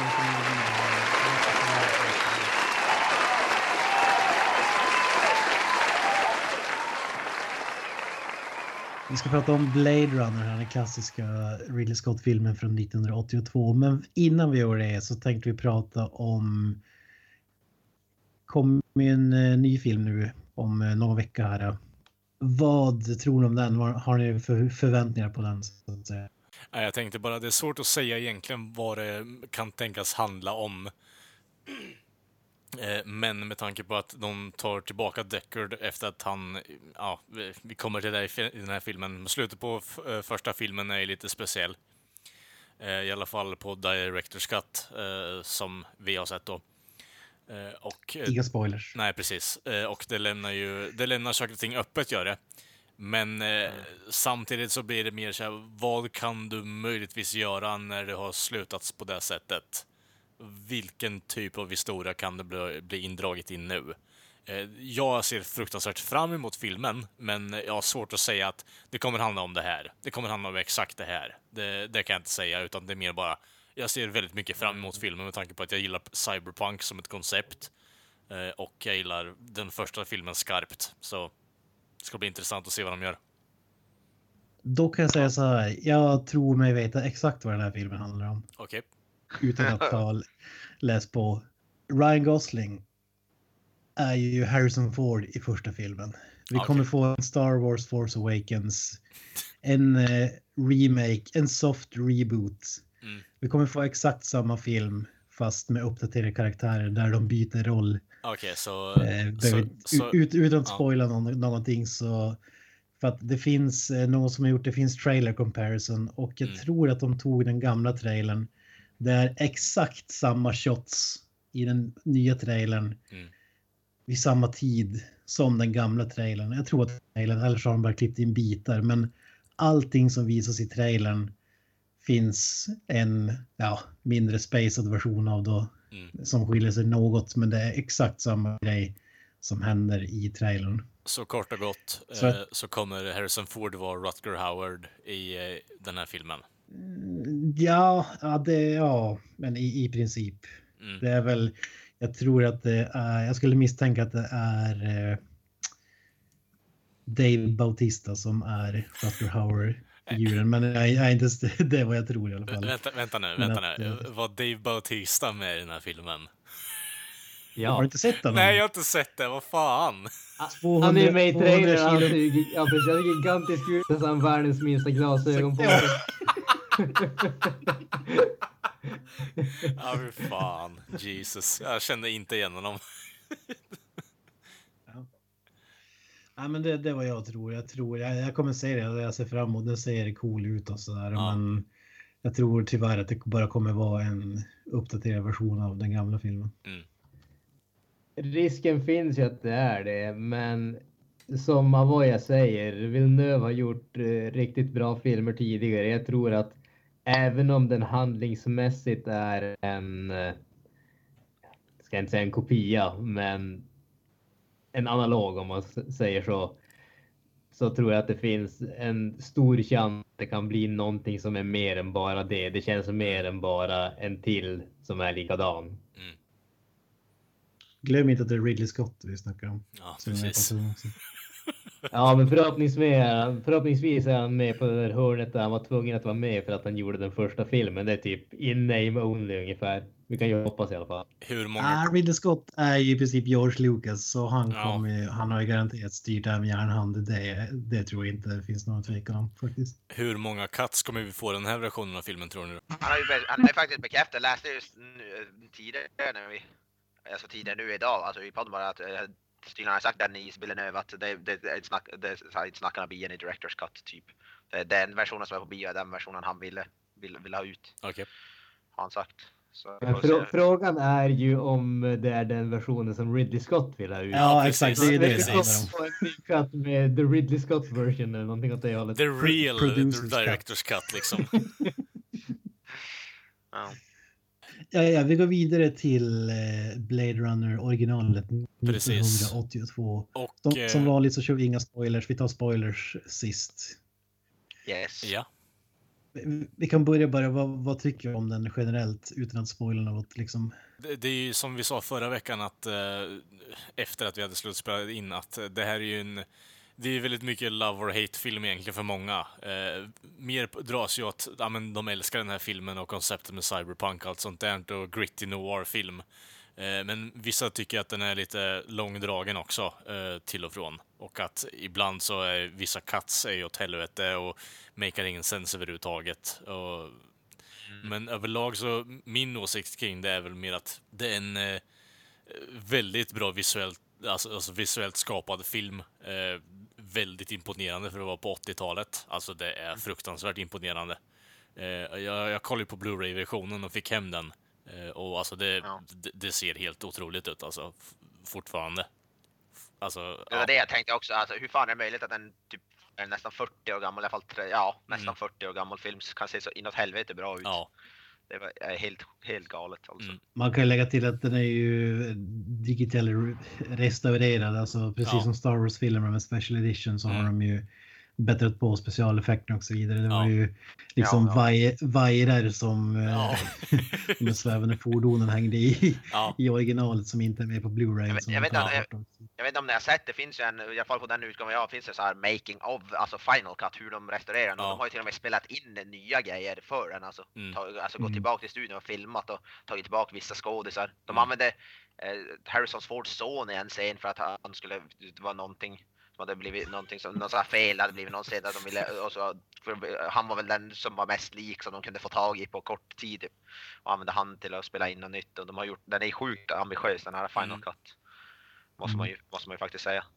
Ja, och det är därför den ser, ser ut att hålla än idag så att säga. Men det är ju inte riktigt samma film Nej. som, Nej, som men det, typ det, det förstår jag helt Nej, och hållet. inte. Skulle man, skulle man köra side by side skulle det väl ändå vara stora skillnader. Men, men Är det för- någon av er som har sett någon annan cut av den här filmen? Nej, faktiskt inte. Nej, det Vi kanske ska är... nämna att det är Final, final Cut som Ja. vi har sett Mm. till den här snacket. Den är ju från 2007 också, så den är ju inte så jävla gammal den precis. versionen. En, Jag har sett originalversionen som gick ut på bio i alla fall. mm, För jag, jag har inte sett den nyligt men länge sedan. Och det är ju största skillnaden är väl egentligen att det är eh, narration, alltså Harrison Ford pratar eh, fy under filmen, alltså typ, typ som i Nakna Pistolen ungefär. Ja, My name is Rick Decker and I'm a cop. Ja, men det, I'm a är, är, är det verkligen i originalversionen? För jag har hört att det var någon annan version de tog in och han, alltså, han hatade det Harrison Ford så han gjorde medvetet ett så sjukt dåligt jobb. Eller något. Ja, ja, alltså de, de screenade väl filmer för folk och eftersom att det var i USA så folk fattar ju ingenting av filmen liksom så då fick de panik och då valde de liksom att ja, men. Harrison Ford måste spela in det här. Du måste förklara allt vad som händer i filmen för folk fattar inte vad som händer. och sen har han pratar och förklarar liksom varenda scen vad det är som händer. Och, ja fan. Ja. som, som du säger, det, det där är ett rykte, men det, det sägs ju att det inte riktigt var, Han påstår ju själv att det inte var så att han gjorde flit. Däremot så gav han inte allt, för han trodde inte att de skulle använda det i slutändan. Så, Så gjorde de det ändå. Mm. ja. Ja, det har jag också hört. Den är mycket bättre utan narration tycker jag i alla fall. Men, Ja, alltså, Ja, kan- du, eh, jag kan tänka mig att det blir väldigt, du tycker inte om så jävla mycket exposition heller, utan du gillar ju även att få smälta saker och ting själv. Jag tror alla i den här podden gillar det, att man får använda sin fantasi Ja, ja. lite själv faktiskt, se vad, okej, han, han gjorde det där nu, eller han tänker på det där. Att man ändå får pussla upp lite själv. Eh, Det är lite det som är hela grejen med film, tycker jag egentligen. Absolut. Ja, men det, det håller jag med om. Och sen det som jag kan uppleva fördelen just att låta det vara lite sådär uh, ambiguous är ju att när det kommer till film, när du har just hela den visuella biten och allting så kan det ju bli att det blir svårt att få någonting att tolka själv om du måste ha någon som förklarar allting Ja, åt dig hela tiden. Precis. Och det, det är ju det som är fördelen med att låta just en sån där berättarröst, eh, att, att inte ha det helt enkelt. Mm. Det är ju inte så, åtminstone upplever inte jag det, om det sen beror på att vi är så vana hur filmer ser ut idag och just den här typen av eh, tankar.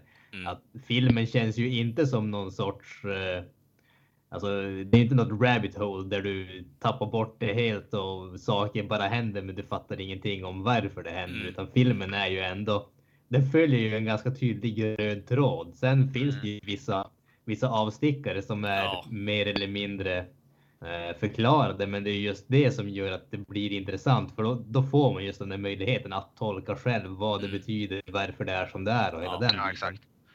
Ja, det är ju som du säger, om man har en berättare så blir det som, då tvingar de dig nästan att tänka på ett visst sätt. Du kan som inte, vad fan, jag vill tänka- tänka själv men det är Mm. lite som det går ju som Ja. inte. Ja, det känns lite grann som att, eh, precis som Kent säger, att ha en berättarröst känns ju som att det är någonting som du har för att du tvingas när liksom folk förstår inte filmen som du har gjort. Men Mm. i det här fallet känns det inte som en film som folk inte förstår. Nej. nej, däremot så ska man ju säga det är ju en balansgång det där för att den här filmen tycker jag å andra sidan den har så mycket som bara hänger i luften som Mm. Eh, alltså man behöver inte berätta röst men alltså varför händer det här liksom alltså Mm. Jag tycker det är mycket sånt och det är ju så, där är ju frågan eh, hur mycket, alltså man måste som kunna känna av, ha, äh, make det här sense eller är det bara något som, för jag tycker att den här filmen, om vi säger utan berättarrösten och så vidare som vi har sett nu, den, jag, jag gillar att den inte, för, för, allting inte förklaras, men samtidigt är det mycket som skulle behöva någon sorts förklaring för att det liksom och för att den här filmen tolkas ju helt olika nästan av beroende på vem som har sett filmen. Alltså, Ja. det kanske blir lite väl mycket som... och, och det stod mig på med sådana filmer, att sådana filmer blir liksom upphyllade. Typ, ja men man måste ju förstå, det handlar ju om det här, det här. Och så ger man filmen mer cred än vad den egentligen är värd eftersom Mm. att det fanns kanske ingen tanke med att det här skulle vara eh, fri för tolkning utan det är bara så att vi var tvungna att klippa här, vi var tvungna att ta bort det här. Eller, alltså. och jag jag känner att den här filmen, jag, jag, jag tycker om, jag tycker den är ganska bra men jag tycker inte att den är liksom ett mästerverk som, eh, som folk, många verkar tycka liksom. Mm. Alltså visuellt och ja, soundtracket och så vidare. Ja, det är jag, helt jag, otroligt. jag tänkte precis säga det. Alltså, jag vet inte, det här är typ andra eller tredje gången jag ser filmen och Eh, Det var ett tag sedan jag såg den senast alltså, men eh, det första jag tänkte på var första visuella och sen så bara slår jag, slås jag av soundtracket och det är bara wow. Alltså herregud, jag tror aldrig jag har hört något soundtrack som passar bättre än det här. Alltså, det är så fruktansvärt jävla bra till eh, cyberpunk-känslan. Det känns ju verkligen som, de har, som att de har lyckats bygga upp en värld som håller från om man säger början till slut. Det Ja. känns aldrig som att man, man ser på en värld som bara är där för filmens skull. Utan det känns ju verkligen som att det här finns på riktigt. Ja. Det är ju det den största styrkan med den här filmen är, är ju den världen. Och den är ju, den ska man ju också påpeka, det är ju en, den är ju baserad på en bok en, eh, så också. Den är ju, det är ju inte en originell historia, det är inte någonting som Ridley Scott har kommit på mm, själv. Den är väl också- mer ins inspirerad av en bok kan man säga. Den ja är precis. Inte Ja, jag, ja, adaptation. Ja, kanske inte. Jag, tror, jag, tror, jag, tror, jag vet inte hur lika storyn är i boken och i filmen. Den är väl baserad på boken misstänker jag, så det är inte så här, Det är ju säkert eh, element från boken som man Ridley Scott på bara ah, joink och sen gått vidare till eh, stora duken med det egentligen. Men eh, jag tror ändå det finns någon form av kreativ tanke bakom det som man har målat upp den här världen på på eget sätt också. Men eh, han har nog dragit ganska mycket från boken skulle jag säga. Den här författaren, jag, jag, jag vet inte om det är exakt samma bok eller om det är någon annan bok, men hans har i alla fall inspirerat liksom eh, Minority Report, Total Recall, Paycheck, Mm. alltså massa andra filmer. Så jag Mm. tror att, Mm. jag tror inte att det är en direct adaptation så att säga. Nej, nej. Kan ju nämna att eh, för, författaren som vi pratar om är Philip K. Dick och boken är ju Do Androids Dream of Electric Sheep. Ja, just Kan vi det. bara nämna.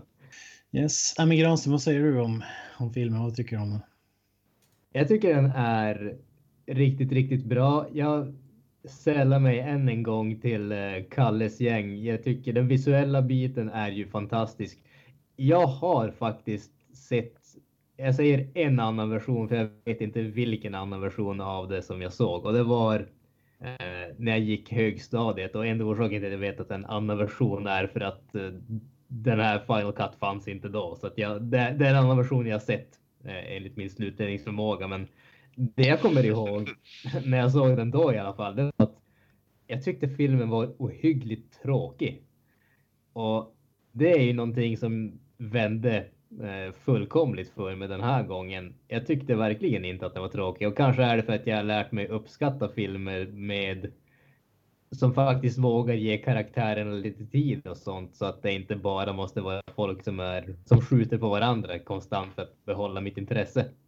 Mm. Men jag som sagt tyckte att det var en riktigt, riktigt bra film. Visuellt är den ju en masterpiece. Ljudet och musiken är ju fantastisk, lika fantastisk som den visuella biten.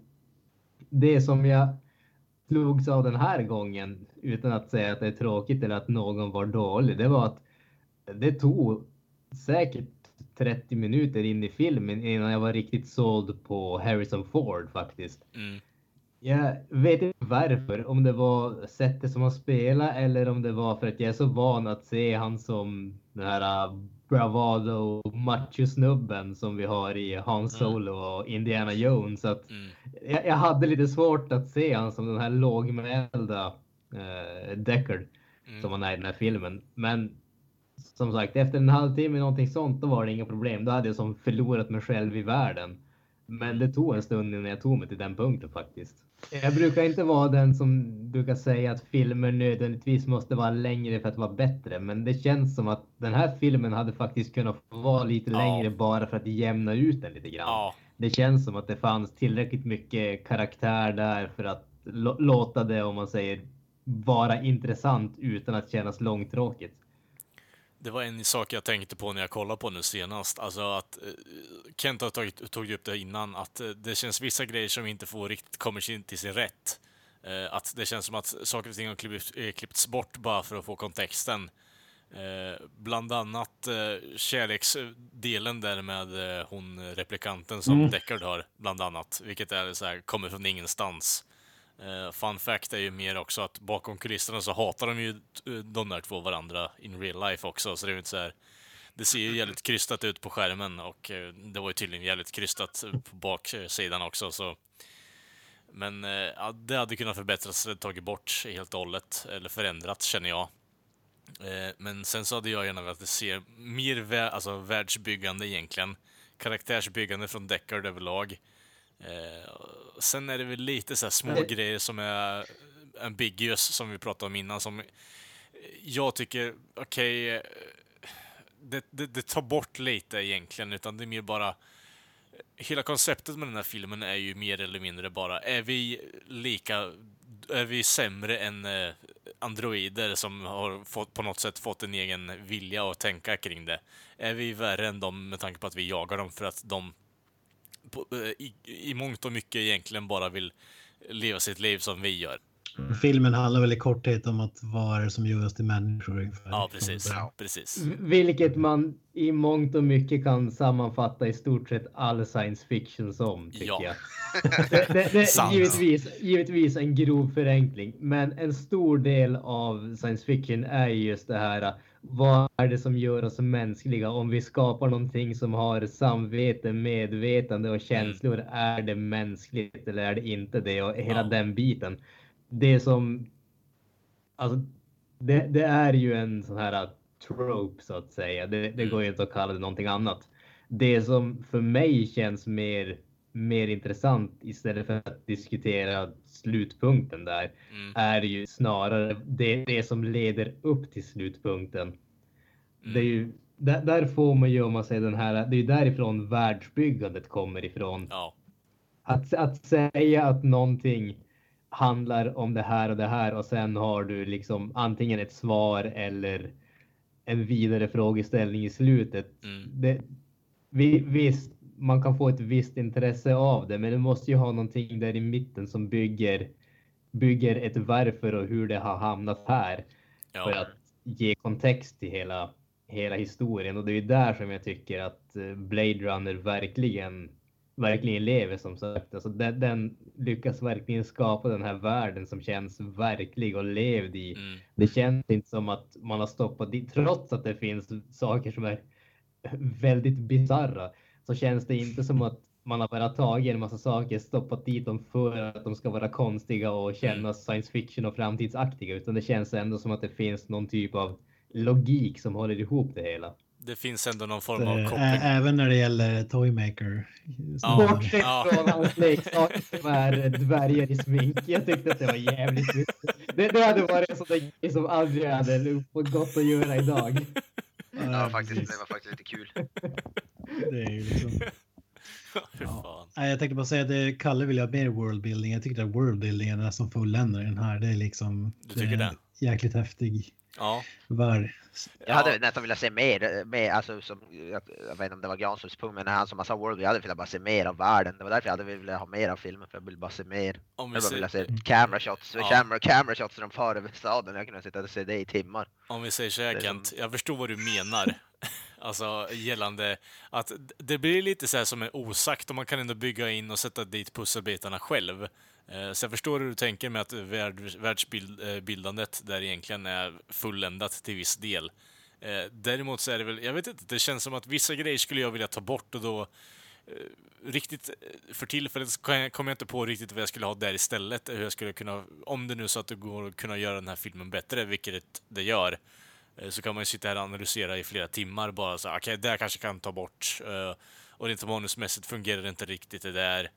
Eh, Det där etablerar mer Ja, men det, det har ju inte med worldbuilding att göra. Alltså, Nej, det är det jag menar, men eh, i så fall så skulle man ju sätta dit något annat. Det är lite det jag, jag förstår hur, hur du menar. Eh, det, mer är det mer bara, för min del är det mer bara, vad skulle man sätta dit istället och sånt. Eh, alltså, jag försöker tänka bara mer på vilka scener kan tas bort, vilka sekvenser kan göras längre och så vidare. Det är det jag tänker på. Ska vi dra några betyg innan vi börjar dra spoilers Mm, hela det kan vi grejen göra. kanske? Jag tycker definitivt att den är värd att se, speciellt om man har något som helst intresse av science fiction. Jag skulle ge den här filmen en stark 8 av 10. Jag håller med om med Granström, det är en bra film. Det är ett science fiction mästerverk skulle jag vilja säga. Eh, jag har inte sett den nog. Jag skulle nog behöva se några fler gånger än jag kan som höja, men jag skulle ändå sätta en ja, så här 8, komma någonting eller 9. Om vi ska hålla oss avrunda och så vi säger 9 av 10 då, men då ska vi vara mer specifika, typ Mm. 8,8 kanske eller något sånt där. Ja, men jag är inne på Granströms spår där också. Alltså, det här är en film som man egentligen... Eh, man, man ska se den innan man dör, om man tycker om film överlag. Men jag sätter nog en, en åtta där också, som, som Granström faktiskt. Eh, Jag tycker att filmen är sevärd, men kanske främst om du gillar science fiction. Jag vet inte om gemene man eh, skulle få ut så mycket om man inte liksom är filmintresserad. Mm. Ja, jag tycker som sagt om filmen, men jag tycker att det är lite väl style or substance och jag tycker att man ger filmen allt för mycket cred eh, bara för att grejer hänger i luften och det är fri tolkning liksom. Om jag ska sätta betyg skulle jag sätta 7,4 eller någonting. Mm. Åt det hållet, 7,3 kanske. Spoiler alert! Spoiler alert! Spoiler alert! So Ja. what about that Ja. unicorn man? Eh, fun fact, den eh, unicorn-scenen är inklippt från en, blev över från en annan film som jag Ja, tror heter. Legend som Ridley Scott har gjort. Ja, det har jag också hört. Mm. Ja. Den är inte skapad till eh, Blade Runner så att säga, utan han smäller in en. Det är väl hela grejen, vi kan väl hela, hela segmentet kan väl nästan handla om det här är record, dick, record, Deckard, Deckard är en replikant eller inte. Vi kan, vi, det kan- vi väl, vi ska Ja, spekulera sure. timmar. Sure. Eh, det- det- när vi, vi har ju snackat om eh, Unicorn, jag ska bara säga det här. Eh, jag såg ju en, en intervju med Ridley Scott om just det här med Unicornen. Mm. Och han, han säger också vad han anser att Deckard är för någonting. mm, Och han, han säger så här att unicornen är där när han är, han är lite full. Han är drunk as a unicorn. alltså. Vad det nu betyder. Mm. Och att han då liksom dag, dagdrömmer. Okej. Och, eh, och så bla bla bla. I slutet av filmen då hittar han den origami pappersfiguren där som ser ut som Ja. en unicorn. Precis. Och det är ju eh, Gaff eh, figuren Mm. s- sätt att säga att ja, men jag, vet att tjejerna är med dig och jag vet att du är en och med det visar han också att han vet att han är en replikant eftersom att han vet vad hans minnen och liksom visioner är. Eh, så eftersom att han, han pratar om det här, han kan ju hennes minnen om spindeln och allt det här Mm. och han vet vad hans minnen och visions är och där ska det vara den här unicornen bland annat. Och då, då inser eh, Harrison Ford också att han är en replikant. Och enligt Ridley Scott så är han en replikant. Ja, det, Mm. det är det jag visste. Det är, jag visste att Ridley Scott anser att han är en replikant. Det har jag hört flera gånger. Disclaimer här är att han har lagt till det på senare år. Det var inget han sa när filmen var ny liksom. Nej. Det, det känns ju inte som... Alltså att, eh, att Gaff skulle veta det, det, det kan jag ta. Men att Deckard skulle inse att han är en replicant för att Gaff lämnar en origami Ja. enhörning känns ju extremt långsökt. Ja, faktiskt. Det bästa är att om man inte har, för att det där var inte med i originalversionen av filmen Unicorn där. Nej, precis.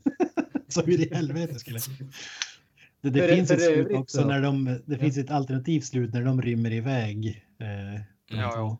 Ja, precis. det, då är han ju liksom människa om man säger så. Mm. I det slutet. Det, det är väl antar jag att om man får se den här nya filmen, om det är någonting man får, de kommer ta upp om att, att han är en replikant eller inte. Ja, fast de, säger, de säger ju att de där äh, replikanterna i den första filmen, åtminstone de från de som är den varianten som han jagar. Mm. De har ju ett eh, begränsat lifespan. De blir ju, vad är det, fem eller sex år gamla eller vad det nu Ja, var i den här precis. filmen. Ja, fyra år, Ja. efter fyra år dör de. Så bara det faktum att Harrison Ford är med i den nya filmen börjar åtminstone tolkas som att han är inte den typen av replikant. Nej, fall. Nej, precis. Och att de de, faktiskt de åldras. säger det i... Ja, de säger det i trailern till och med att han är där för att... Eh, alltså, i den nya filmen Ja. så är ju, nu tappar jag namnet, Drive skådisen, vad heter han? Ryan Gosling. Gosling. Ryan Gosling är ju där för att re, reda ut om han är replikant eller inte. Mm. Ja. Och han, eh, de påstår att Harrison Ford ska vara liksom den allra, allra senaste replikanten som inte ens vet om eh, att den är en replika, replikant. replikant. Det jag läste om hon tjejen har Rachel, att hon ska också vara, det är därför hon, att hon är någon typ av replikant också. Ja, men det säger de ju rakt ut. avan, avan, vad sa du? Det säger de ju rakt ut, att hon är en replikant. Hon Ja, det är... ju... Ja, Ja men det sen det är ju också för att, att hon är, ska vara någon sån här specialversion som inte kan dö då efter fyra år eller något sådär. Att hon också är någon avancerad, för hon vet ju inte det själv att hon är replicant. Nej, men han säger det ju rakt ut till henne sen att du är en replikant, men jag ska skydda dig whatever för att jag känner mig illa till mods någonting för att jag, jag vet inte. Du gör ingen skada egentligen. Du är bara skapt för att i stort sett underhålla den här gamla mannen i stort sett. Jag vet inte. Det, och så har han satt in, eh, vad fan är det, det är ju hans eh, dotters, eller fan det är minnen i henne också, så det är ju hon, han, hon har ju någon form av koppling till honom. Så det är mer svårt att förklara egentligen, men alltså det, det är ju... Jag vet inte riktigt. Det är svårt att... eh, Jag, jag tolkar ju filmen mer som att uh, Deckard sitter där och tycker synd om henne och på något sätt eh, ser mänskligheten i henne i alla fall, trots att hon är en replikant. Eh, och det är därför jag tycker det är så dumt egentligen att varför ska man då göra Deckard till en eh, replikant på slutet? Det, det makar ingen sens för mig alltså. Det, det känns bara pantat. Jag, jag, tyck, jag håller med, filmen faller ju där. Alltså, Ja. Varför ska den så? Det finns liksom inget. Men det roliga här, det finns ju två manusförfattare eh, som börjar med det här manuset i alla fall. Jag Ja. vet inte hur många det var i slutändan. Och de hade ju båda läst den här boken som vi pratade om tidigare. Mm. Eh, Och där i boken står det tydligen något där eh, Harrison Fords karaktär säger liksom när han får reda på bäst före datum så säger han bara "Ja, jag undrar vad mitt bäst före datum är. Alltså filosofiskt liksom. Ja. Vad har vi för, för människor? Och den ena manusförfattaren tog det som att det var filosofiskt och den andra tog det bokstavligt talat att han visste att han var en replikant. Ja. Och när Ridley Scott fick de här olika versionerna av manuset så han bara Ja men fan det är en bra grej, han är en replikant. så det var därifrån det kom.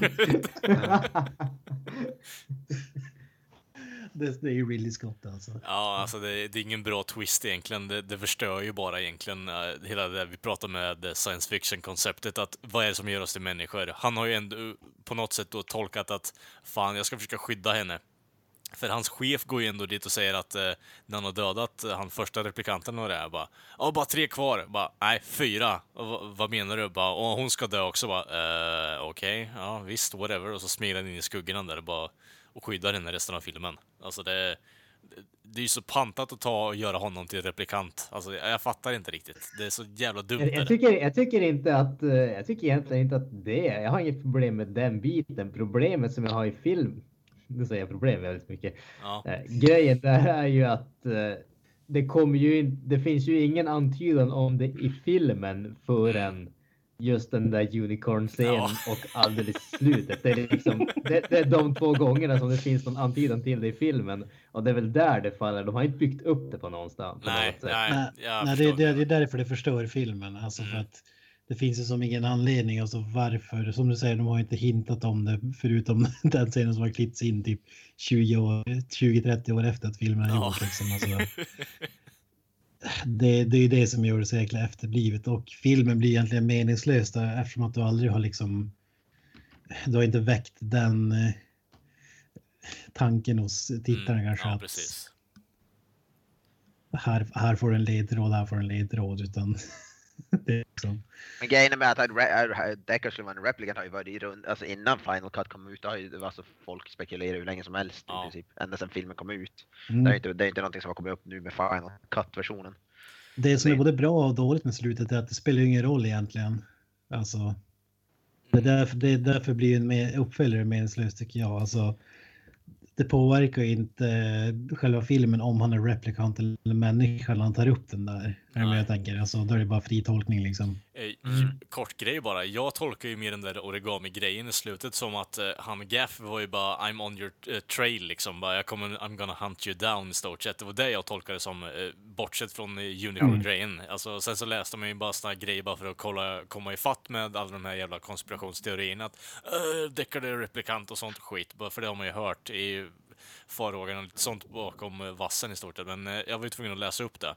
Men eh, när jag såg det nu om den igen så tänkte jag bara okej, men han har ju hållit på med de där origami-grejerna. Då är han involverad. Han kommer liksom vara på hans... Han kommer vara på honom och försöka hitta honom och döda den här replikanten som han harborar i stort sett. Det var så jag tolkade det som. Det tycker jag ändå är någonting mer intressant än att, ja men fan, den här Unicorn-scenen vi bara klipper in i, tomma intet. Det, det, det, det är liksom, Deckard är en replikant bara. Va? Va? Nej. Eh, alltså, det håller inte. Det håller inte bara att ha det. det jag, jag köper det inte. Det är så pantat. Det är ju bara att Ridley Scott kom på i efterhand. Men det kanske är smartare och coolare om man är replikant. Alltså, Ja, men det är det inte. det, är ju typ, det är typ så det är ungefär. ja. Några andra spoilers då som du säger. Eh, ja, en av de svagaste scenerna det är när Rutger Hauer går upp till eh, the- to meet the maker så att säga. ja. Eller vad säger du om den scenen? Du menar... När han pressar sönder skallen hans eller? Ja, precis. Mm. Varför blir han ens insläppt i, jag förstår ingenting om Ja, hela ja, den det- där. ja. Men det var väl den här JF Sebastian, den där Toy Maker-snubben som hjälpte honom att komma dit. Ja, i och för Så sig. hela grejen. Han, han ringer på mitt i natten, typ tre på morgonen ungefär, och typ säger Bishop to White, alltså. Ja, jag vet inte. Han kom in.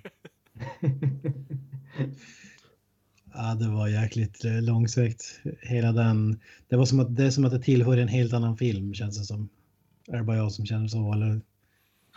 Ja, det- jag tyckte inte, jag tyckte jag kändes, det var ju som hela hans grej var att han skulle vilja hitta honom och som, ja, ta, jag vet inte, ta revenge på honom. Jag tyckte inte det kändes så. Mm. Det var ingen speciell scen. Så jag också gillar jag Rutger Hauers prestation i scenen där han, hans ansiktsuttryck och sånt. Jag tycker han är bra. Men, Det var väl inte att han ville ha revenge, det var väl mer att han ville få svar. Alltså hur Ja, han kunde mm. leva längre liksom. ja. Ja. Eller om det gick. Och sen när han fick reda på det då blev han ju så...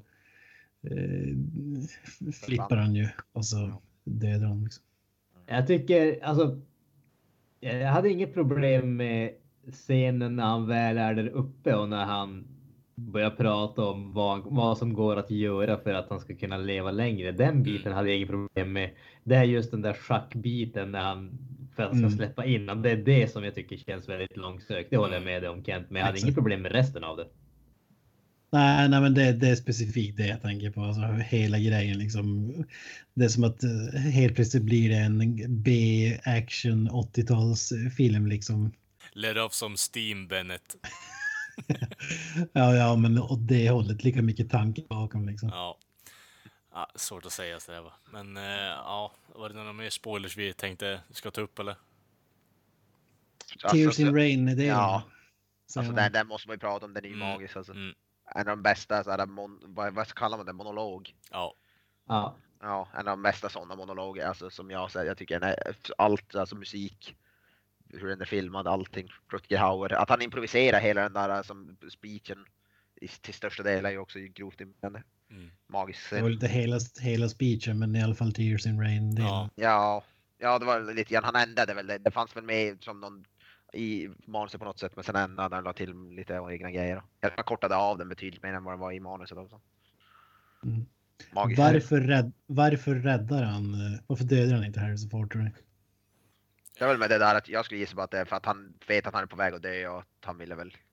Ja, han ville väl säga, säga det där att han får Harrison Ford förstå vad det är som går, han, som världen går miste om när han, när, ja, replikanter som han dör i princip. Det var det jag, som jag förstod det som.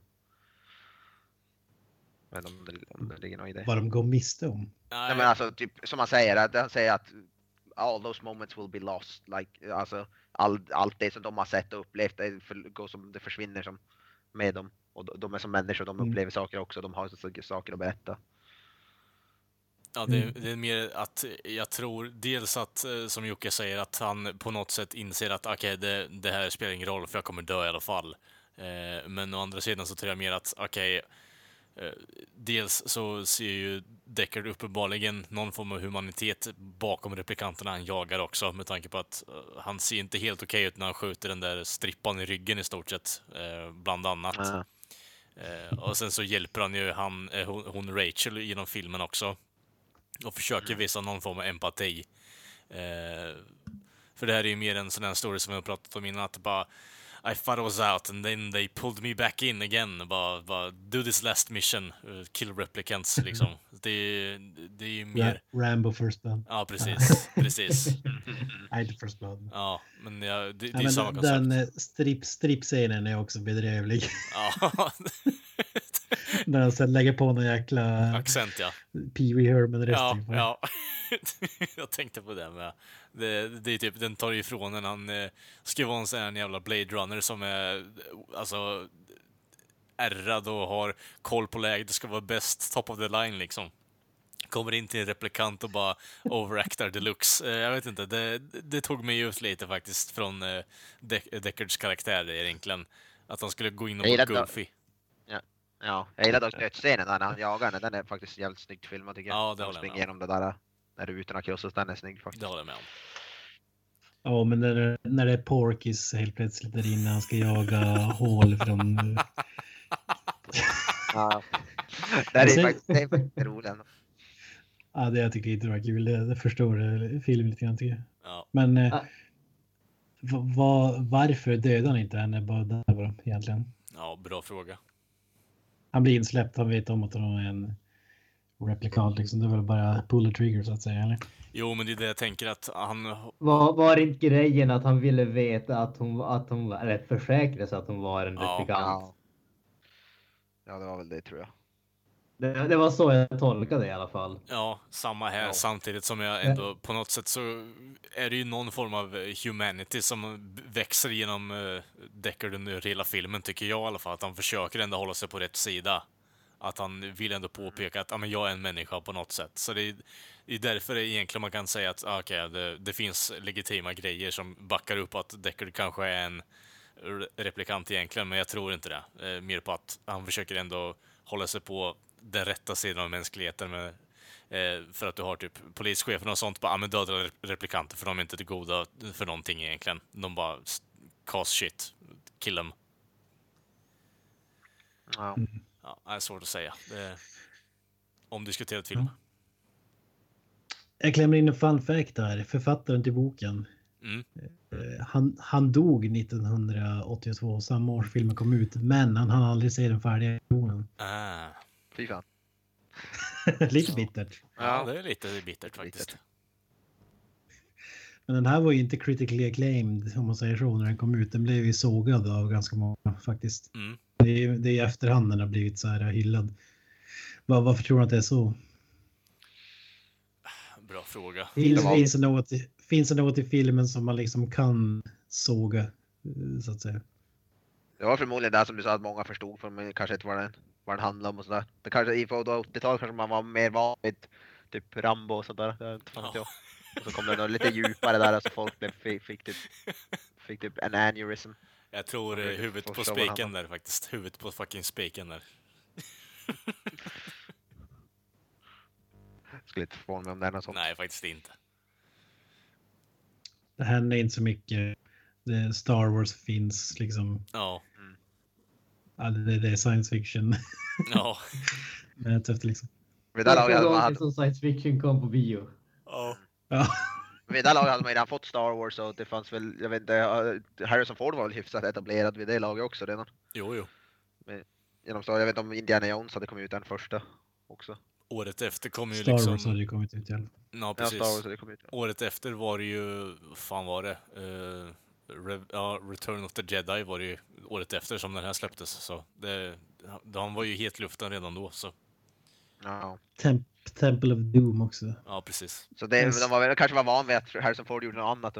De kanske förväntade sig, folk kanske förväntade sig en ny Star Wars eller någonting. Vem vet? Liksom någonting dju, djupare. Jag ska Ra- Raiders of the Lost Ark kom ut året före säger jag här. Mm, Ja, ja exakt. Han var ju hyfsad, hyfsat känd om andra ord. ja. Ja. Om man säger så. Minst sagt. Ja, Granström, vad säger? Vad är, vad är svagheten med filmen? Vi har pratat mycket om det positiva, men vad är det sämsta? Oj då, det sämsta. Alltså det är, det är en svår fråga. Jag tycker inte att det finns någonting som är riktigt dåligt. Jag tycker allting är bra. Det, det finns grader av bra, men jag tycker inte riktigt att det finns någonting som är, som jag skulle säga, dåligt, Mm. ärligt talat. När det kommer till de grejerna som är mindre bra känns det inte som att det är någonting som drar ner filmen för mig på något större sätt. Alltså det, det är såna här små grejer. Det är just schack, eh, schackgrejen för att komma in i rummet där. Toy, toymakern överhuvudtaget måste vara den. Ja, Ja, Alltså, ja, lite grann. Det är liksom, det är de grejerna. Men jag tycker inte att det drar ner helheten. Vad sa du? Strippscenen. Ja. Jag tycker några, några tveksamma, så hon som spelar strippande skådisen, jag tycker inte hon är speciellt bra. Hon som spelar den här andra, små så svarta för ögonen och så, jag vet inte, lite tveksamma skådespelarprestationer. Toymakern själv vet jag inte om han är Mm. jättebra skådis, det är lite sådana grejer, men det är något som man kan köpa. Det är inte någonting som förstör filmen på något sätt tycker jag. Om vi säger så Eller? här, eh, bara för att lägga till på det Granström säger. Eh, jag tror inte det finns någonting som är dåligt i filmen. Däremot finns det saker som behöver förbättras, helt klart. Ja, ja det, det finns mycket små grejer skulle jag säga. Ja. Vi behöver inte gå in på, på alla de nu, då har vi pra- pratat ganska länge, men Ja, jag tycker som sagt det är mycket, många så här små grejer som är uppe i luften och så varför får vi se den här scenen? mm, ja men det håller jag med. ja, det är liksom fri, fri tolkning, det är lite väl fri tolkning tycker jag på, Ja. på vissa delar. Och som sagt strippscenen är som hämtad ur en, och den här schackscenen är som hämtad ur en helt annan film. Mm. Och så har de lite motsvarighet till lens flares har de ju strålkastare som lyser in genom fönster. Och så visst, det ser väl coolt ut, men det är Mm. jäkligt mycket sånt, framförallt i sista halvtimmen där de är inne i. Det är Mm. ju därför att J.J. Abrams har väl gjort den här versionen av filmen, varit med ett. Det. Mm, han var ju hans första jobb med femårig eh, praktikant. ja, exakt. han fick han fick inte ens skol, skola, skoljobb så han "Nej, lite med lensflares. Nice. Nej men alltså, jag är taggad på nya filmer mest för att få se mer av den här Blade Runner-världen. Det ska Mm. bli jävligt faktiskt nice. Och nu kanske med lite då, till och med ännu förbättrade då, så CGI och praktiska effekter och allt vad det heter. Kanske ser- förhoppningsvis ser det ännu bättre ut. Bara det inte blir för mycket känner för att det är ju att det är så mycket practical i den här är ju det som är fantastiskt. Ja det är ju det. Ja, Det är det man hoppas på i den nya filmen faktiskt. Och det verkar ju se Mar- marknaden, pa paraplyd med glowsticks, alltså Ja. de grejerna. Ja, Detaljerna. ja. Det ska bli faktiskt spännande att se den nya också. Taggad. ja, men jag tycker att vi avslutar på den punkten ändå grabbar och tackar för den här veckan. Eller vad säger ni? Det låter bra. Yes. Eh, Yes. Då kommer ni få den här samma informationen igen och då är det, gäller våra sociala medier som Facebook, Twitter och Instagram och då är det bara att söka på ett Creative Meltdown Podcast som kommer upp där. Och vill ni mejla oss så är det bara att trycka på Facebook-länken. Då står det mejla där, så skitenkelt bara. Då trycka i, skicka en rad och så säger att vi suger eller någonting. Det blir skitnice. Eh, och nästa vecka är vi tillbaka igen, fullt upp igen hoppas vi också fortfarande då. Ny film att recensera, nya upptåg, nya eh, allitterationer eller vad fan du än vill. Mer film i alla fall. Mer är det. Gene Simmons. Mer Gene. Simmons, definitivt, om jag känner Kent rätt. Absolut. Eh, Absolut, det kan jag lova. Ja, det, det, det, det är nästan garanterat för tillfället, så det, det är jag inte rädd för. Den, den vecka den mannen inte har hittat på någonting idiotiskt finns inte än. Nej, det är sant. Nej. Det är sant. Jag kommer lägga ner nyhetssvepet när Gene Simmons inte figurerar i, i media längre. Kommer, kommer bli en dyster dag när Gene Simmons faktiskt går bort. Tänk dig det. Det kommer vi få leta reda i arkivet för efter nyheter i så fall. Men som sagt, eh, ni hittar och ser oss på alla sociala medier och så hörs vi och syns nästa vecka. Ha det bra allihopa. Hej!